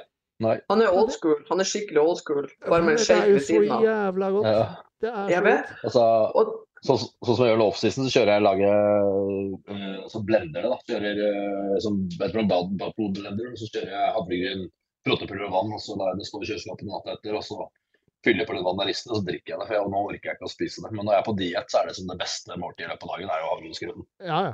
Og så er det så sjukt, fordi bare det proteinpulveret nå, det smaker så sjukt søtt. ja, Altså, det er sånn, Du smaker hver bidige lille smak i det der proteinpulveret, liksom. Til vanlig så er det sånn kjøl det ned, på en måte. Det er ikke så farlig. Men nå Dæven òg. Ja, det er helt sprøtt hvor følsom man blir på just smak og lukter når du er på diett. Ja. Sånn, sånn, Smakssansene er bare helt skjerpa hele tida. jeg husker, eh, jeg husker eh, første gang jeg skulle stille, så når jeg var ute og gikk morgentur, så gikk jeg forbi et bakeri. Og det var jo sånn grytidlig på morgenen òg, ikke sant? Og det lukta jo så jævla godt ved det bakeriet. Så sånn når det var bare noen uker igjen til konkurranse, jeg liksom begynt å bli mer og mer sulten, så måtte jeg bare gå en stor omvei rundt det jævla bakeriet, så jeg slapp å kjenne den jævla lukten. ass. Ja, det er helt sjukt. Ja, For min del så er det must have oppi peanøttsmør og bær. Frosne bær eller ferske bær? Frosne. Er det, alt, er det alt du har oppi? Nei, altså sånn laget fra bunnen av så har jeg alltid havregryn med, med proteinpulver. Lager du grøt, eller, eller bare du har sånn uh, tørre Jeg lager havregryn med, med Ja, OK. Så jeg lager eh, først uh, havregryn og proteinpulver og litt salt, og så mikser det godt sammen. Så heller jeg oppi kaffe og bruker to tredjedeler av væska med kaffe og en tredjedel med vann. Og rører det sammen og setter i mikroen og inn og ut. Og så topper jeg med, mm, med mm, sukrin og kanel, eh, peanøttsmør og frosne bær. Og salt oppå peanøttsmøret, selvfølgelig. Funker det òg. Ja, det er helt nydelig. Helt magisk. Uh, dette er ikke et spørsmål, men uh, Heidi, du er så forbanna rå. Denne sporten hadde aldri vært det samme uten deg. Koselig. Men jo, det hadde jeg den. Men koselig uansett. Eh, et spørsmål til til Heidi her. Eh, Heidi, du har sagt eh, det du ikke var fornøyd med på Sandefjord, men fortell hva du var mest fornøyd med ved egen prestasjon, opptreden på scenen, eller annet. Um, jeg var fornøyd med at jeg var veldig til stede. Jeg var veldig, jeg så på dommerne hele tida. Jeg gjorde liksom ehm, Jeg følte jeg liksom var en av dem på scenen som liksom tok scenen. At folk så på meg, liksom. Det følte jeg. Ja, det er uten tvil. Uten tvil. Så jeg følte liksom Jeg følte jeg naila å være trygg der. Selv om jeg liksom var litt ustø og litt sånne ting her og der, så følte jeg at jeg var trygg når jeg var der. Det var ikke sånn at jeg følte meg Jeg følte meg selvsikker og trygg, liksom. Mm. Så det er jeg kanskje mest fornøyd med. Og så Ja. Ja, det er egentlig det. Det. Og det kan bli enda bedre. Så det er planen. Det skal bli enda bedre. Men eh, ja, fornøyd med håret og sminken og ja, egentlig. Ja, Som jeg, som, jeg sa til, eller som jeg sa til Marius under livestreamen, det er nesten som man ikke kjente deg igjen når du var oppstasja der. det er som en, en helt annen person. Ja, ja, ja. Men bare, det er meninga. Så komme ut der, og, og så er det hun hun Heidi Voikakoi. Det hun Heidi. Nei, men det er jo det som er litt gøy, fordi greia er jo at når man er skikkelig guttejente som meg, så må man jo bare man må ta på seg en rolle. Man må gå inn i en helt sånn annen greie, og da hjelper det ganske greit med makeup og hår og eh, bare den tan du får på deg og sånn, så det, det er liksom Ja, det er jo en rolle man bare må hoppe inn i og embrace, liksom. Er det sånn til vanlig, du, du bruker ikke mye sminke når du går på gym og trener og sånne ting? Nei, jeg ser sånn her ut hele tida. Til og med hvis det er håret ned, det er jo veldig langt eh, altså Håret jeg hadde på scenen, sånn er jo mitt eget hår. Mm. Så til og med når jeg har håret ned på gymmet, så er alle sånn her Herregud, så fint hår du har! For jeg går bare med det oppå den totten, fordi når man trener, man blir svett og ja, whatever. Så nei, jeg er veldig sånn lite sminke og gjør ikke så mye ut av meg. Mm. Det er kanskje derfor mutter'n bare Herregud, jeg kjente deg nesten ikke igjen. Nei, det var vi flere som sa. Eh, mest imponerende debut, eh, debut på Sandefjord? For meg som jeg sier at det var hun der eh, eh, jenta som sto hun som, hun som fikk andreplass i bikini fitness overall. Rosa bikini fra Bergen. Benedikte? Benedicte, ja. Benedicte Oldevold. Hun var faen meg rå, altså. Mm. Det var en fantastisk i fitnessutøver. må jeg si. Ja, du trodde hun skulle ta, ta overrollen? du? Mm. Mm. Ja, hun var jævlig god. Uh, jeg prøver å tenke om det er noen andre. Nei, jeg kom ikke på noen. Marius? Nei, ja. Åh, det er så vanskelig. Jeg husker ikke alle som er debutanter engang heller. Ehm, men ja, hun, Benedicte var absolutt rå. Um, jeg tar Roger i mellomtida. Ja, jeg så jo ikke alle debutantene, jeg så jo ikke bikini, så jeg får liksom ikke uttalt meg sånn i forhold til alle. Men jeg må jo løfte fram min egen, da, som vinner både debutant og junior. eh, Det er rått. Så det også er en prestasjon, da. Så De fikk ikke jeg sett. Mens musikk har jeg bare sett sånn litt bilder av. Mm. Jeg må så, si Men klart, jeg, jeg så jo ikke alt, derfor så fikk jeg liksom Jeg kan ikke uttale meg om alle heller. Jeg må si jeg blir jævlig imponert over han eh, Hva heter han i Classic Fysikk? Han vi kommenterte, Heidi. Han eh, en ung kar. Martin Fagerhaug. Martin, ja. Ja, Martin Martin. Fagerhaug. Ja, ja, ja. Han kan bli jævlig bra. Ja og så var det jo Det var jo han debutanten i bodybuilding. Han som hadde trusa så lavt. Husker ja, du han, det? eh, Ja. ja, Mm. han, Altså, han, eh, hallo. Det var jo Han som er fra Sandefjord eller noe sånt? Ja, altså han Mm. så jo Herregud, debutant, liksom. Mm. så, så, han Martin Fagerhaug han vant, han vant eh, Classic Bodybuilding debutant, og så fikk han tredje i Classic Fysikk. Mm. Mm. Ja, det var flere der som liksom i de ulike klassene at jeg tenkte sånn her Shit! Ja. Det er noe for the future. Mm. Absolutt. Vi tar en reklame. Har du sjekket ut nyhetene til eh, Superswole? Nå har de i tillegg til de humoristiske og selvironiske trøkkene også kommet med skikkelig tøffe og kule motiv, som du da kan få på eh, alt fra T-skjorta eller tanktoppen din til eh, kaffekoppen. Jeg skal ta og gå inn og vise litt her hva de har. Her er nettsida til Superswole, superswole.no. Eh, og her kan du bruke kode GYMBROS20, så får du 20% rabatt på hele sortimentet. Skal ta og gå inn og kikke litt på T-skjorter her. Som dere ser, et veldig stort og bredt eh, utvalg. Alle finner noe de liker. Her har de litt sånn selvironiske, litt artige trøkkene. Eh, og det kommer i forskjellige farger. Også forskjellige størrelser. Alt fra ekstra small opp til dobbel XL. Om vi kikker videre, så ser vi her de nyere trøkkene, som er litt tøffere, med litt sånn dødningshoder, djevelsfigurer. Litt sånn ondskap over det. Det er sånn som jeg liker. Så jeg ser at jeg må eh, opp, eh, oppdatere kolleksjonen min litt. Iron Made Me, den må jeg seriøst ha. Gammel Iron Maiden-fan som jeg er. Kommer også sagt i masse forskjellige farger. Videre har de gensere. Tanktopper. Og her får da eh, samme trøkkene. Shortser kommer snart. Eh, går å forhåndsbestille nå. De har også kopper. Og det er da med samme type trykk. Eh, kan man få sin personlige kaffekopp, som passer godt inn på deg. Eh, har også plakater og postere, eh, flasker, og de kan også bistå med å profilere f.eks. treningsrommet ditt eller gymmet ditt. Så eh, ta en tur innom superswole.no, og så bruker du kode gymbros20, så får du 20% rabatt på hele sortimentet. Eh,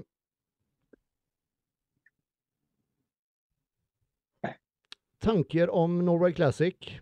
Hva tror vi om nivået på de som kommer utenlandsfra? Det kan vel du svare best på, Flisa? For det er vel, det er vel bare fra Finland det er påmeldt, eh, tror jeg? Jeg tror det. Sverige har jo en konkurranse samtidig, så jeg tviler på at mange derfra kommer. Mm. Ja, men eh, nivået kommer til å være veldig, veldig bra. Veldig mye gode utøvere som kommer. Og ene som kommer i min klasse, hun har andreplass på verdensmesterskapet. Mm. Henrika Hein He- Heikkinen. Jeg Ja. ser en fra Estonia her nå også, Det er eh, i bikini. Ja. Eh, ellers så er det vel bare Finland, ja. Og det er egentlig det er mange i bikini, veldig mange i bikini. Og Wellness. Eh, og bodyfitness Og er to, bodyfitness. fire totalt i bodyfitness. Fem. Eller det er mulig noen som stiller i flere klasser. Jeg vet at eh, flere av de som kommer, eh, de hadde jo konkurranse nå, så de er allerede tatt ut til landslaget til Finland for å stille i EM også. Ja. Flere av dem har jo vært der nede før og gjort det ganske bra. Så Hva er det hun, eh, hun heter som, eh, som hadde andreplass i VM? Henrikka. Henrikka Kempinen. Kempinen, Ja. Sinnssyk sinnssykt rygg på. Vi ser classic eh, fysikk kommer en kar også. Uh, og mensfysikk er noen stykker. Det er liksom i alle klasser det. ja, kult. Så blir det gøy å se Vetle og Runar i bygging, da. Ja, det gleder jeg meg skikkelig Ja. til. Mm. Mm. Ja, fy faen. Ja, så kommer det jo sånn som i body også, så kommer jo Tina Strand og um, uh, Sollid. Kommer jo også. Hvem sa du? So? Eh, Eh, Kari, er det ikke det hun heter? Kari Sollid. Ja. ja. Mm. Så jeg tror eh, det blir, blir bra nivå, og så jo syns det var mye bra nivå allerede på Sandefjord på flere. Så to uker til på de og enda råere form i tillegg til flere av disse, tror jeg kan bli veldig bra. Mm. Ja, og at det bare kommer en hel haug liksom, fra Finland. At man liksom føler at det, det er ikke bare de folkene vi vet av. på en måte. Mm. Det kommer noen som ingen vet og ingen har sett. Og, mm. Jeg ser nå i bygging åpen klasse. Eh, han Ronald skal stille i eh, bygging. Så det er eh, i åpen så er det Lasse Sørdal, Ronald, Runar og Vetle. Ja. Jeg må si Ru Runar har sett helt insane ut på de siste bildene han har lagt ut. ja, han, har, han har grodd. Ja, fy faen. Han har fått opp ryggen skikkelig òg, men nå er han også i så jævla god form. Det kan, kan være litt det, men, men ryggen hans ser mye bedre ut enn han har gjort før. Ja, bra. Så, Jeg gleder meg skikkelig til å se de guttene. Ja. Mm. Jeg liker skal liker dem godt. Det skal bli veldig spennende å se just Runar mot Vetle, og se Mm. hvordan det tar seg ut. ser for meg de to kan vel skape en, en god del show mot hverandre også, så Mm. Og mange i salen som heier på dem. mm. Ja, ja, ja. På tal om, på tal om Lasse Sørdal, du var jo med meg og kommenterte da, Heidi. Jeg ble så skikkelig rørt når han vant, med tanke med, no. når man vet liksom hvorfor han stilte og alt dette han hop- hoppa på i siste liten, og, og så går han og vinner. Det var Og så åt han ser jo mye Han så jo bedre ut enn han trodde sjøl. Liksom, han har ikke sett på seg sjøl på hele preppen og ga uttrykk for at det var liksom sånn ja. Ja, Så kom han der, så jeg tenkte bare Hæ? Du, du ser jo mye bedre ut enn hva du ga uttrykk for. ja, ja. Mm. Nei. Så det syns jeg òg var kult. När jag intervjuade han då på fredagen så han hade vært varit på, på Progym och tränat då tidigare på dagen och då det, det var første gangen han hadde sett seg selv i speilet og med klærne av, ikke satt og posert. Så bare Hva faen, det var jo ikke så ille likevel som, som han hadde trott. ja, det var koselig. Nei, en, eh, en gammel podcaster felte noen tårer der. Ja. Uh, skal vi se. Eh, sterkeste minne fra Sandefjord Open? Uh, ja, for min del så blir det helt klart uh, det med Lasse, da han uh, vant det. Ja, jeg er enig Ja. ja, for meg selvfølgelig at jeg vant alt jeg stilte i, så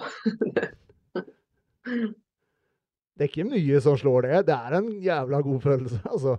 Det er også litt artig, fordi det er jo en overall jeg mangla i livet mitt. Eller det er liksom det er den jeg alltid har gått missa, liksom. Så fikk, Mm, liksom når jeg gjorde comeback, så fikk jeg denne, jeg, den jeg ikke har hatt. Det var litt artig. ja. Eh, skal vi se Vi kan ta et, eh, et treningsspørsmål òg. Eh, har en diskusjon her med noen. Hvilken øvelse er best for lats, pullups eller chins?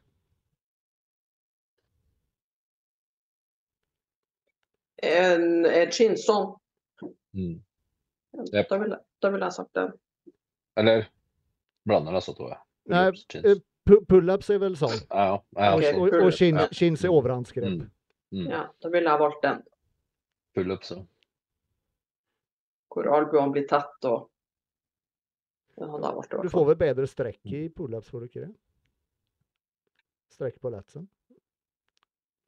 Men Roger, du som er, du som er litt Du har jo, du får jo, når du jobber her, og så smalt, så har du jo en helt annen kontrakt med retsen enn du har her ute. Og så får du jo også en mye bedre range of motion i tillegg, ikke sant. Ja, ja, Her ikke får du sant? kroppen helt ned. Så pluss at her oppe så jobber du jo mer med andre og Ja, mm.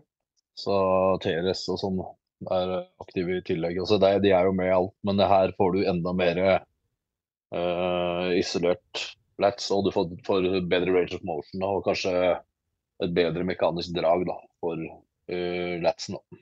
Mm. Samtidig så er det sånn når du strekker helt ut, så den bevegelsen har du egentlig ikke bruk for da, i forhold til å trene latsen. Men du får jo trent andre ting i samme slengen, så da øvelsen blir liksom mer komplett. Mm. Strekker Det er litt sånn disku. det du viste det siste, det er når du Ja. slipper skuldrene opp, som du mener, ikke sant? Ja. Ja. Så, men det er sånn som noen som det er sånn diskusjon om alt her. Altså, hvor, hvor nerd skal du være når du trener? Altså, det er sånn, Mm. for Hvis du strekker ut der, da, så får du med andre ting på kjøpet. og så det er sånn Gi og ta litt, da. Men nå Det, de, i- de, I gamle dager så bygde de jo fortsatt uh, skuldre og armer og lats og det som var. Og de gjorde ting ikke Det var ikke like nerds og alt var ikke like science-based uh, back in the day som det er nå. Men funker. Jeg tror at for Hvis. Arnold hadde gått på scenen i form, sin beste form, så hadde han knust ganske mange som trener science-based i dag allikevel. Så Men det er jo på en måte ikke det det er snakk om. Det er jo snakk om at eh, gjennom flere år og mer kunnskap, så vet du hva som er mer optimalt. Det vil du ikke si. Selvfølgelig, Ja, du, men- du bygde på det, selvfølgelig. Men jeg gjør jo ikke, jeg trener jo ikke mye med å bare sitte og kjøre bredt nedtrekk. Jeg gjør jo smale drag med albuen tett ned mot hofta for at jeg skal bruke letsen riktig. Jeg har jo bygd en rygg med å gjøre de old school-øvelsene, men jeg, mm. det jeg gjør i dag, er jo mer optimalt. Så det er jo litt sånn Ja, men samtidig er det sånn der, uh, optimalt i forhold til uh, hva man finner ut av på, på små studier og sånn. Og så er det kanskje sånn hvis du hadde da starta med din grunnpakke når du var yngre og gjort ting optimalt? Hadde du sett bedre ut da? Det vet man jo ikke. ikke sant? Så Det blir jo en spekulasjon oppi det hele, selv om Mm. eh, i teorien så er det noe bedre enn noe annet. Så er det litt sånn, Jeg tenker at det, begge deler er bra, og så er det sagt, den ene tingen kanskje gir uh, snevrere trening, mer pinpointa på én ting, og så har du en annen øvelse som kanskje gir mer i tillegg. Da. Men kanskje, kanskje begge deler kan bygge like bra uansett. Da. Det er det, jeg tenker. Det er, sånn der, det er ikke ett, det er ikke én det er ikke to streker under ett svar på når det kommer til trening. Det er flere ting som fungerer, og folk er også ulike. ikke sant? Så det, Og så er det jo som, som vi nevnte i stad, det er jo et, det er jo et maraton. det, det, ja, det er jo det i tillegg. Og så er det selvfølgelig sånn at eh, etter som tida går fremover og man veit mer, så er det selvfølgelig mulig å gjøre ting mer optimalt. Og, men det er sånn Jeg tror det er mange som begynner å bli veldig, veldig nerdete med treningene sine i dag. Så overdriver det, da. Det blir, for, det blir overtenker, rett og slett. Ja. Så, Ja, ja og. Det er som du sier, én ting er at det er optimalt i forhold til eh, anatomien, at det på en måte vil funke best, men så er det også liksom det å kunne yte nok energi da, til å gjennomføre en sånn type bevegelse over tid også. Så eksempel som du bruker liksom med Se som Arnold, for eksempel. Bare en så enkel ting som biceps at armen skal egentlig være stille, men flere av gutta står og liksom slenger opp på det likevel. En så enkel ting kan gjøre at du klarer å yte mer, liksom koble inn den muskelen flere ganger over tid. da. Jeg tror ikke jeg alltid trenger å være så firkanta heller at ja, det er optimalt på papiret, men du trenger kanskje litt mer aktivering av flere ting for å få mest mulig utbytte. Så er det noe med erfaring også. Jo mer erfaren man er, jo mer kan man kanskje gjøre en øvelse som ser stygg ut, og, likevel få mye ut av den. da. Jeg, må, altså, jeg veldig Jeg trener jo veldig kanskje eh, Prøver å trene veldig optimalt. da. Veldig optimale øvelser og tenker biomechanics og er veldig liksom Jeg er ikke noe supernerd, men det er jo ingen tvil om at jeg har bedre resultat av at jeg gjør mer optimale øvelser. Jeg sier ikke at det jeg gjorde før ikke funka, men jeg sier bare at det jeg gjør nå, det funker i hvert fall mye bedre. Og Det- der kan det også være ting som jo- volum, volum, eh, volum på trening, restitusjon eh, Ja, men liksom alt, alt ting som Det er flere faktorer som spiller inn. da. Det er liksom, jeg tenker at Her er det flere ting som har gjort at du utvikler deg bedre nå enn før, ikke bare én Det er det nok. Men jeg ville tenkt litt sånn som Heidi sier, er nok det er riktig tanke å ha det som en base, men å liksom være helt nazi på det at nei, du, du kan ikke fortsette nå, for da blir det ikke 100% optimal teknikk lenger på det ene eller andre. Så det er liksom du, du kjører det fram til et visst punkt, og deretter så du kanskje jukse på litt flere måter, koble inn flere muskler for å ta ut det aller siste. Og da Men jeg, jeg snakker mer om at eh, OK, la oss si det at jeg skulle trene lats, da.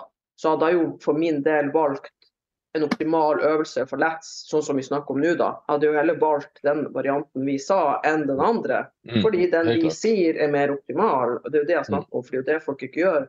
Mm. Senest nå de siste dagene har jeg trent med ei på gymmet som har konkurrert. Hun har gjort masse ikke-optimale øvelser, og fysikken hennes ser deretter. Og nå når hun har begynt å gjøre de øvelsene jeg gjør som er optimalt for det hun vil bygge, bare det at hun kjenner jo hun er gangsperra i letsen og sånn som hun aldri har hatt før. Så liksom, Jeg sier ikke at eh, jeg er en supernerd som bare er sånn her eh, svart-hvitt, men jeg sier i hvert fall at jeg er veldig fan av biomekanikk og skjønner hvordan ting fungerer og velger optimale øvelser. Det er i hvert fall for min del det er superviktig. Ja, det, Jeg trener jo, trener jo helt annerledes nå enn jeg gjorde det før. og det Mye av det er jo selvfølgelig basert på at kunnskapsnivået har økt og, og alt det her. Så, og så er det også en faktor til inne i bildet, og det er jo selvfølgelig det her med volum. Eh, restitusjon pga. alder har en del å si. Og da er det også Det jeg, det jeg har fokus på nå, da, jeg følte før, er at eh, det jeg skal gjøre, er, trenger ikke være eh, like mye som før, men at kvaliteten på det jeg, skal, det jeg gjør, skal være best mulig. da. Det er viktigere for meg nå enn volum. Da jeg var 13 var yngre, så var det masse volum. Det, det jeg trodde var høy intensitet, som vil si korte pauser. eh, alle de tingene her, da, det, var, det var mye av det fokuset jeg trente etter da jeg var yngre. Og så har liksom det forandra seg da, til at nå er jeg mer kresen på øvelsesutvalget og, og hvor mange arbeidssett jeg har, hvor mye volum jeg har i løpet av uka av de tingene her. da. Jeg ser i hvert fall på ting som eh, skuldre og lats, så har det vært spesielt skuldre. Å velge optimale øvelser har vært for meg alfa og omega for å få meg skuldre. Jeg genetisk har ikke skuldre eller eh, rygg, egentlig.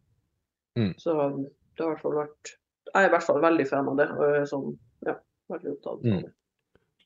Og så har vi også sånne som meg, som må velge ut, øvelser ut ifra hva, hva man klarer å kjøre. Mm. Selvfølgelig. Det er jo en del av alderdommen, det. Det er vel eh, Det går jo også på optimalt. Ja, akkurat nå så tror jeg Det er det som blir optimalt for deg. For det, det er ikke optimalt for deg om du kjører si sidehev, men sidehev ødelegger skulderen din fullstendig. Så er ikke det optimalt for deg å kjøre i det hele tatt. Jeg tror det optimale for meg det hadde vært å skaffe en rullator og bare kaste inn håndkle. Hold, holde deg til mikrofonen. Ja, jeg tror det hadde vært det optimale. Eh, Det er det er der det kommer inn så mange faktorer. Det er liksom, nå har dere egentlig nevnt på en måte alle. Du har den optimale øvelsesutvalget i forhold til hva som treffer muskulatur. Så har du restitusjon, med næring, alt mulig rundt det. Og så har du liksom individuelle faktorer i forhold til tilrettelegging av hvordan din kropp funker, og hva skader og problemer. da. Mm. Det er der man må se litt helheten. Så er det litt, litt personlige preferanser òg. Om, det- om du hater å gjøre en øvelse, uansett hvor optimal den måtte være, så så vet jeg ikke om det, er, om det egentlig blir en optimal øvelse for deg. Det blir en motivasjonsfaktor, da, men eh, Ja, eller- Eller jeg tenker Ja, litt men det, det, det, det er det som er kroppsbygging. Da, er jo det at eh, Hvis du kun skal gå etter hva som er lystbetont, så vil du antakeligvis ikke få en komplett fysikk. da. Ja, nei, um, la meg omf omformulere at man på en måte Det er jo enkelte øvelser du på en måte har bedre kontakt med, da, eller fø- føler bedre i muskulaturen da, enn en andre. For eksempel eh, som uh, foroverbøyd stangroing. Det skulle liksom være en, en, en, en, en god øvelse, eh, hører man ofte folk sier, til å liksom bygge tjukkelse i ryggen. Jeg har aldri, jeg har aldri fått den til. Jeg får kontakt av det, men, men, men Men det er jo igjen fordi den er ikke optimal. sant? Nei. Du er jo ikke stabil. Du må jo ha noe chest supported for at letsen din det, Letsen din blir jo ikke kjørt til utmattelse av å Altså, det er jo så mye annet som blir sliten først. Så hvis du er ganske sterk der, så gir jo letsen seg da Altså, du gir deg før letsen egentlig er utslitt. Ja, men- det er egentlig, egentlig en sånn liggende Chess-supporter da. Jeg har liksom aldri fått noe ordentlig kontakt med dem. Men som jeg sitter derimot og kjører, ikke sant? Da, da får jeg skikkelig god kontakt. Jeg er jo også, også litt sånn at ja, sånn som vi snakka om før, når dere krangla med meg. Jeg er jo også sånn at kontakt er ikke alt. Jeg glemte å si sist, for at eh, jeg trente jo leggene mine i tre måneder uten å kontakte dem. Sikkert fire. De grodde jo for det. Så jeg er jo litt sånn ja, kontakt, greit, men kontakt er ikke absolutt alt, hvis du gjør det riktig. Nei, nei da. Nei Kontakt, da. kontakt er ikke alt, men det har eh, ofte en betydning. og Spesielt i muskelgrupper som man kanskje sliter med å bygge. da, tenker jeg. Ja. Ja, Der, er- der er det ofte, Da er det mer det å- ofte også. Mm, Ja, mm. da er det mer å si. All right. Next. Ehm, hvordan kan vi få flere svenske utøvere til norske konkurranser? Jævlig godt spørsmål. Det blir jo ikke på samme dato, bare. Så kan, hadde dere sikkert dukka opp en del svensker nå. Det som skjedde der nå, var jo eh, Svenskene skulle egentlig ikke ha konkurranse på samme dato som Nordic Classic. Men siden det først var bestemt at Nordic Classic kun var for norske utøvere, da fikk eh, de grønt lys til å arrangere den helgen likevel. Ja, men bare ta sånn Sandefjord Open da, før i, i, i gamle dager. Gå tilbake ti år i tiden, da kom det masse svensker, og det kom dansker. Det er det kom- ja, og det er fordi at uh, han Geir plutselig må betale IFBB for å åpne opp for internasjonale. Ah. Vadå han Hva med, hva, da? Den Ja, fordi han Geir er, jo, Geir er jo den som arrangerer konkurransen, sant? så han Ja. vil jo tape penger på det, egentlig. Altså Han må betale en sum for å få lov til å invitere internasjonale utøvere. Det er en å ha det. OK. Så han kunne nok tjent på det hvis det hadde kommet nok utøvere, men det er jo en gamble han på en måte må Ja. sjanse på å gjøre, da. Så vi, vi betaler jo også mer nå, bare for at vi skal åpne opp for at de får komme. Men et, et hva, er den, hva er den avgiften på, da? Vet du hvor mye det er snakk om? Er, er det, Nei, er, med kun de nordiske de der landene, så tror jeg det er 10 000, kanskje. Jeg vet ikke hva det koster hvis det er andre land. per, per land, men- eller, eller for alle, liksom? Altså nå for de nordiske, hva det er, fire land? Altså det er Estland, Finland, Ja. Sverige, Danmark. Men hvorfor skal IFB internasjonalt sitte og dra en penger på at Norge arrangerer en konkurranse? Ja, det Ja, er faen meg Det, er, det her har jeg sagt hele tida, at det er den toppen på IFB de sitter kun og så sikler på denne pengesekken sin. Det er helt utrolig.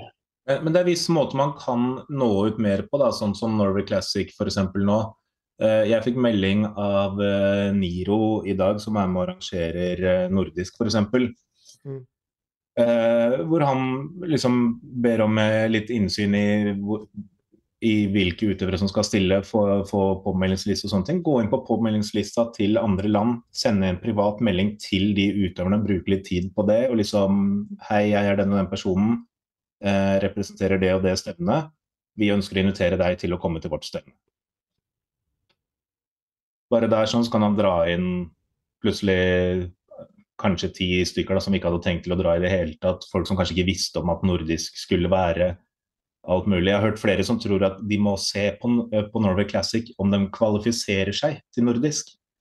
Som da ikke vet at de kvalifiserer seg ikke på noen måte. Det er bare å melde deg på det stevnet, så er du eh, Ja, for-. Det er ikke sånn som det var i, eh, i gamle dager, at du må kvalifisere deg, uten alle, Det er to ting som krever kvalifisering nå. Det er EM og VM. Det er det eneste som er et uttak som krever noe som helst. Alt annet av internasjonale stevner, alt utenfor Norge, krever kun at du er påmeldt til enten Norway Classic eller NM. Så lenge du er påmeldt der, så er du kvalifisert til å stille i utlandet hvor som helst, med unntak av EM og VM. Ja. Det er det eneste. Mm. Så, men, men sånn som Sverige er kjempeflinke på det. Altså, de, har jo, de legger ut, lagrer jo masse, masse videoer av utøverne. De legger ut introduksjoner av utøvere. Um, sånn som Niro, som da kommer til å invitere utøvere til å faktisk komme dit og gjøre dem bevisste på at stevnet eh, eksisterer. Bare det vil være med på å kunne øke interessen der. sånn. Kanskje han går ifra seks utøvere til 15 utøvere. Men, men eh, ja, de er kjempeflinke, men har de en person som sitter med dette på fulltid? Som er, Nei, ikke på fulltid.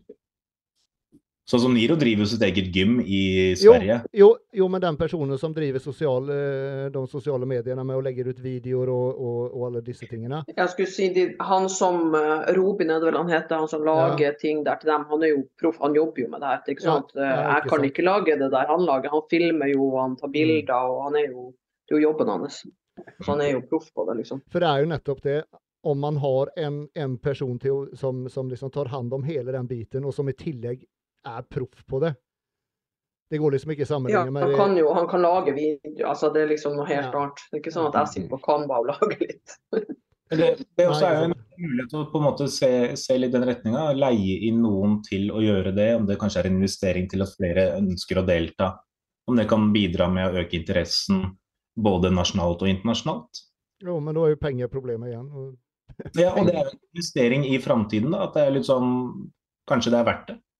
Jeg tenker jo heller at man først og fremst bare må åpne opp. OK, de 10 000 det koster for at de skal komme, det må man bare gamble på. Mm. At det går bra. Sånn som nå, det tjener vi jo inn, for det kommer jo masse finlendere. Mm. Mm. Så jeg tenker jo at det er det første, å bare åpne opp alt for at de får komme. Mm. For det er mange som kunne tenkt seg Det var jo ikke i fjor, det kom jo en hel haug med svensker på Sandefjord. Det året det var åpent. Det var rett etter korona, for da åpna de opp for at eh, folk kunne komme. Mm. Så, Så det, er- det er mye med synliggjøring. og vi, vi ser det i forhold til antall norske utøvere som stilte i utlandet. Eh, F.eks. For forrige sesong så var det vel bort mot seks stykker eller noe totalt som konkurrerte i utlandet med unntak av EM og VM. Eller ja, med unntak av VM. Så bare litt det med synliggjøring av konkurranse, liksom legge ut litt hvilke alternativer som finnes. Og ja, det er liksom utøverne kan gå inn og finne dette sjøl, men mange av dem er på en måte bare innstilt på at de tar dette. Så ved å få litt informasjon om, om sånne type ting, så vil de jo bli obs på mulighetene som oppstår. da. Men jeg føler at vi gjør det. Jeg har jo lagt ut nå har jeg lagt ut flere ganger ting. Jeg føler at det er ikke Norske utøvere er ikke veldig flinke til å tenke at de skal dra andre plasser. De tenker liksom at de ikke er gode nok. Ja, det er kjempesynd. Og sånn som jeg òg, jeg er heller ikke interessert i å dra noen andre plasser, fordi det koster penger. Nå Det er betaler jeg for uh, Sandefjord og det her, og det er allerede svindyrt. Og hvis jeg kommer til EM, så er det mer enn nok penger. Jeg har ikke penger til å dra på nordisk eller svensk eller Malta eller whatever, liksom. Så det, det handler jo mye om det òg, da. At, uh, Eller jeg tenker at det handler mye om både, både penger og tid, da.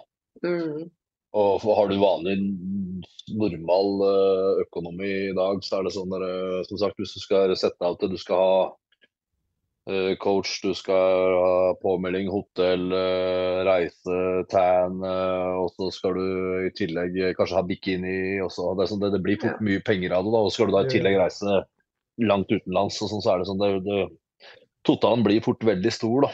Mm. Det gjør det, men Og for- det er å finne noen svenskene som stiller òg, og de tar jo flere svenske konkurranser. De har jo seks-syv konkurranser i året, pluss at de tar noe utenlands, pluss EM eller VM.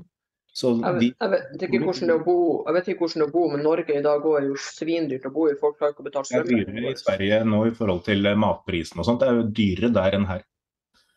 Men uh, jeg vet altså for min del òg, jeg ville aldri ha, hvis jeg skal reise på EM, så er jeg ikke interessert i å pike en gang før EM. Altså Da holder det med at jeg har Sandefjord, Norway Classic, og så da hadde ikke jeg tatt Jeg hadde ikke gambla noe på EM med å ta enda et show imellom der, liksom. Da er det jo perfekt. Malta er jo uka etter EM, så da avslutter du der, da. Helt perfekt. Nei takk. Ja, men det er jo økonomien igjen, Marius. jo, absolutt. Jeg skjønner økonomien er absolutt et argument. For bare det å, å reise på, på, på ja, La oss si da, reise til Malta. Det går jo minst 10 000 kroner Mm. med alt rundt. Det er bortimot det det koster. 10 000 ca. for eh, turen og konkurransen og sånn. Ja, ja, ikke sant? Altså, jeg, kjenner, jeg kjenner ikke én person som har råd til å konkurrere noe mer enn kanskje ja, maks tre stevner, og da er to av dem her. Det er løgn. Du kjenner meg. Nei, du, også skal du ha fri, du skal fære altså, Jeg vet ikke hvor mange som Ja, det, det er liksom dyrt. Det er jo en grunn Ja. til at det det, det der er jo en ting nå for de som lytter nå da, og tenker å eventuelt stille si f.eks. til høsten. Legg det som en plan og ta flere stevner. Begynn å spare opp penger nå til at sesongen blir lenger og at det koster mer enn bare Sandefjord og NM. på høsten, Liksom. Så er det også sikkert litt med motivasjon. altså jeg kjenner også liksom, Hvis jeg skulle ha kjørt Nå er EM tre uker etter Norway Classic, er det ikke det? Tre uker etter. Mm, ja, noe sånt. Mm. Og det er sånn perfect, liksom. Altså Jeg er ikke veldig interessert i å være på diett etter det. Når EM er ferdig, da skal jeg ha Jeg mat. skulle si det også. Det, det er jo det i tillegg. Og så er det Jo lenger du holder deg i konkurranseform, jo også helsemessig og sånn i tillegg, da. Mm. det er flere faktorer inne i bildet der også, tenker jeg, enn bare økonomi. Men det er jo Og så er det sånn hvis du skal konkurrere bare for å konkurrere, liksom. Det er sånn For de som har lyst, og de som øh, øh, er motivert til å kjøre på, så tenker jeg bare å kjøre på. Og de som er motiverte, de, jeg tenker at de setter seg inn i hvilke konkurranser som finnes. De sparer penger, det er de som reiser. Og så er det kanskje ikke flere som, Mm. Som har lyst enn de som gjør det, da, som det er nå. Så Jeg, jeg tror også jeg, det er viktig at vi på en måte begynner å bli representert i utlandet ja, på internasjonale stevner. Hvis vi blir representert i utlandet, så blir vi også lagt mer merke til, som også kan generere til at flere er interessert i å komme hit. Jeg tror det blir litt gi og ta. Man blir litt lagt merke til, og man, man kan skape en interesse internasjonalt da, fordi man deltar der selv. Jo, jo, men da skal folk eh, betale av private penger for at vi skal ut og markedsføre landet vårt. Det er liksom sånn der, da må det jo være folk som Neida. har lyst til å gjøre det. Det er ikke bare vits å sende folk ut. og jeg, jeg, For min egen del, så sånn at jeg har ingen intensjon om at, og ser heller ikke vitsen med at jeg skal flyge rundt og konkurrere mest mulig. Jeg vil heller gjøre det ordentlig de få konkurransene jeg vil. da. da svarer du litt på spørsmål som kommer her. Da. Hvorfor skal noen gidde å komme hit, da? Det blir jo samme Ja, det, De kommer jo hit for å stille i grisedyre Norge med dødsstive priser på alt som er, og skal betale for å komme hit. Hvorfor skal dem gidde å gjøre det? Hva, hva er Men poenget? det er jo, ja, men det er jo Hvorfor skal de ikke gjøre det hvis vi ikke stiller i deres land? Det er jo ikke noe sånn gi og ta her. Det er jo Folk Ja, reiser rundt og bestiller i, faen i rundt grunn. Det blir lagt merke til, da. Jeg tenker at de Ja, som er seriøse, de, liksom, de som vil, de gjør det. Og sånn som nå Finland kommer med så mange, det er jo fordi de har så mange. Mm. Altså vi har jo ikke, Og mange av dem i Finland nå, de konkurrerer jo så mye at jeg syns det er helt sinnssykt. Hvordan klarer de det? De konkurrerer, i, jeg vet ikke hvor mange ganger de konkurrerte i fjor, og så konkurrerer de nå i år. og altså Min kropp hadde, til og med frisk kropp hadde sagt nei, det her går ikke. Så det er jo det òg at jeg kjenner ikke mange som liksom klarer å konkurrere så mye som mange av de der gjør. Jeg syns det er sykt fascinerende at de klarer det. Ja, nei, jeg tenker Folk må jo avgjøre sjøl hva de har lyst til. og så er det sånn sagt, de som er motivert for det, de setter jo av penger og, og finner tid og, og sånn til det. Og så er det opp til hver enkelt. Eh, Jeg presser ingen til å stille i utlandet. Folk må ta den avgjørelsen sjøl. Og ikke minst at vi er 99, altså vi er, vi er under 100. Altså det nye tallet for oss det er 100 stykk hver sesong, liksom. Det er ikke akkurat Mhm. jeg syns det er kjempefint. Jeg skulle ønske at flere, flere som stiller, ønsker å ta utlandet også, og i hvert fall ta én utenlandskonkurranse i tillegg da, første sesong. Eller ikke bare første sesong, men generelt. Bare opplevelsen, erfaringen det gir. Eh, hele opplevelsen er sånn. Det er helt fantastisk. Jeg tenker sånn for min del, da, hvis jeg skal stille igjen, også hvis jeg da finner ut at jeg har lyst til å stille en utenlandsk konkurranse, så vil jeg trolig droppe Sandefjord. Og så vil jeg ta the main event i Norge, og så en i utlandet. Mm. Uh, da, da vil jeg ikke prioritere det ene norske lille stevnet. ikke sant? Så, for det handler jo om da igjen økonomi og tid og hvor mange ganger jeg skal peake og alt det her. da. Og sånn for min del òg, jeg er jo ikke interessert i å f.eks. ta en pro-qualifier eller Altså jeg er jo ikke interessert i å bli en pro, så det jeg er interessert i, det er jo EM og VM. Så Mm. jeg vil jo ikke bruke penger på noen andre konkurranser uansett. Men nå, nå legger jo også forbundet ut da, at det er et eget eh, EM-uttak på Norway Classic, og så blir det tatt hensyn til f.eks. resultater internasjonalt. Så internasjonalt er jo da åpenbart en mulighet også for å kvalifisere seg til EM der også. Ja. Ja, du kan det, men det er vel mest sikrest å gå for det hovedeventet, da. Ja, men du så jo at det vektlegges jo også eventuelle resultater i utlandet. Så om du får en førsteplass i en utenlandskonkurranse eller en topp tre, så kanskje det er mulighet til å kvalifisere seg til EM der også, for de som eventuelt ikke gjør det. I hvert fall det som legges ut på IFBB sin som de har lagt ut. Ja, at andre stemner kan brukes. Mm. Jeg tror det er, eh, det er i bunn og grunn til just økonomisk er det en veldig stor greie. Jeg mener om hver konkurranse koster la oss si minst, minst 10 000 kroner. Med hotell og, og, og reise og alt som kommer rundt der. Om du da skal ta tre-fire stevner på en sesong, det er liksom 30 000-40 000. Det er Mm. langt ifra alle som har, har penger å bruke på det. altså. Og I tillegg, så hvis man skal reise til en utenlandskonkurranse, så reiser man sjelden alene. Og Da blir det en utgift for en person til. Og så, Ikke sant? Ikke sant? Mm. Ja, jeg ser den. Ja. Jeg, jeg har gjort det der. Jeg syns det, synes det er absolutt verdt. Jeg syns det er dødsmoro. Jeg synes det er en ja, erfaring oppi, oppi hele. Og nå, nå har jeg stilt før, så jeg veit jo at dette her koster. Så jeg planlegger jo ut ifra det at jeg ønsker å ta flere stevner, og da sørge for at jeg har penger til det og i forhold til ferie og alt mulig sånt. Og liksom legger det opp i den perioden. Mm. Og jeg syns det er en fantastisk opplevelse. Det møter så mye eh, herlige folk, og det er, det er dritmoro. Men det er liksom sånn for meg, da, så er det også sånn uh, Hvis jeg har en viss mengde ferie å ta av, så er det sånn Er det verdt det å bruke både penger og ferie for å reise til en konkurranse?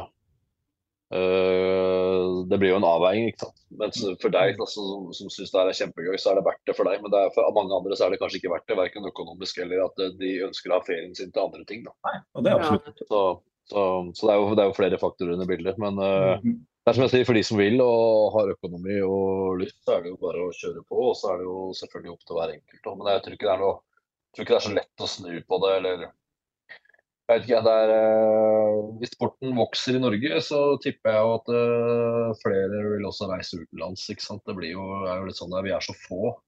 Og i Finland og Sverige så er de så mange flere, og det gjør jo også at det er Prosentandelen som reiser utenlands fra Finland og Sverige er kanskje ikke større enn i Norge. ikke sant? Eh, Men det blir flere for at det er flere utøvere. da.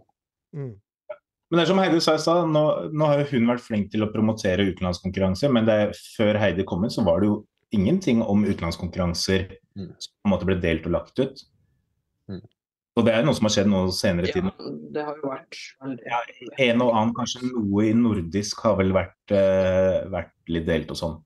Men det har ikke vært veldig mye. Men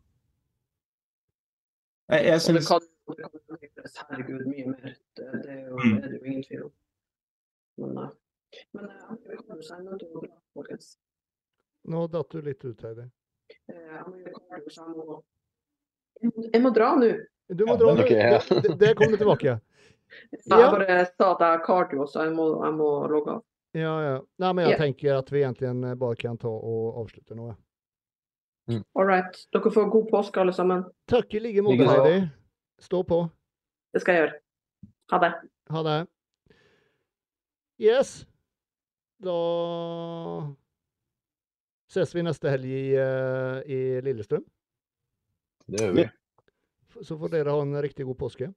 I like måte. Takk det samme. Snakkes vi, folkens. Det gjør vi. Ha det godt. Ha det. Ha det bra.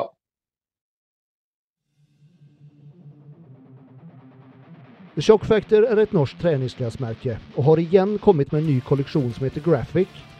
Den består av oversized tees, hoodies, sweatshirts og shorts, og har et tøft, kreativt og håndtegnet design på ryggen. Tøyet funker like bra som pumpcover på gymmet som casual wear på fritiden. Og om du bruker kode GYMBROS, så får du 10% avslag på prisen. I tillegg har de også sin utvidede performance-kolleksjon med både dame- og herretøy, samt oversized og lifestyle-kolleksjonene. Så om du er ute etter treningstøy med høy kvalitet og tøff design, som er deilig å ha på seg og som sitter som det skal, så bør du ta en tur innom theshockfactor.com, der du kan bruke kode GYMBROS for 10% avslag på prisen.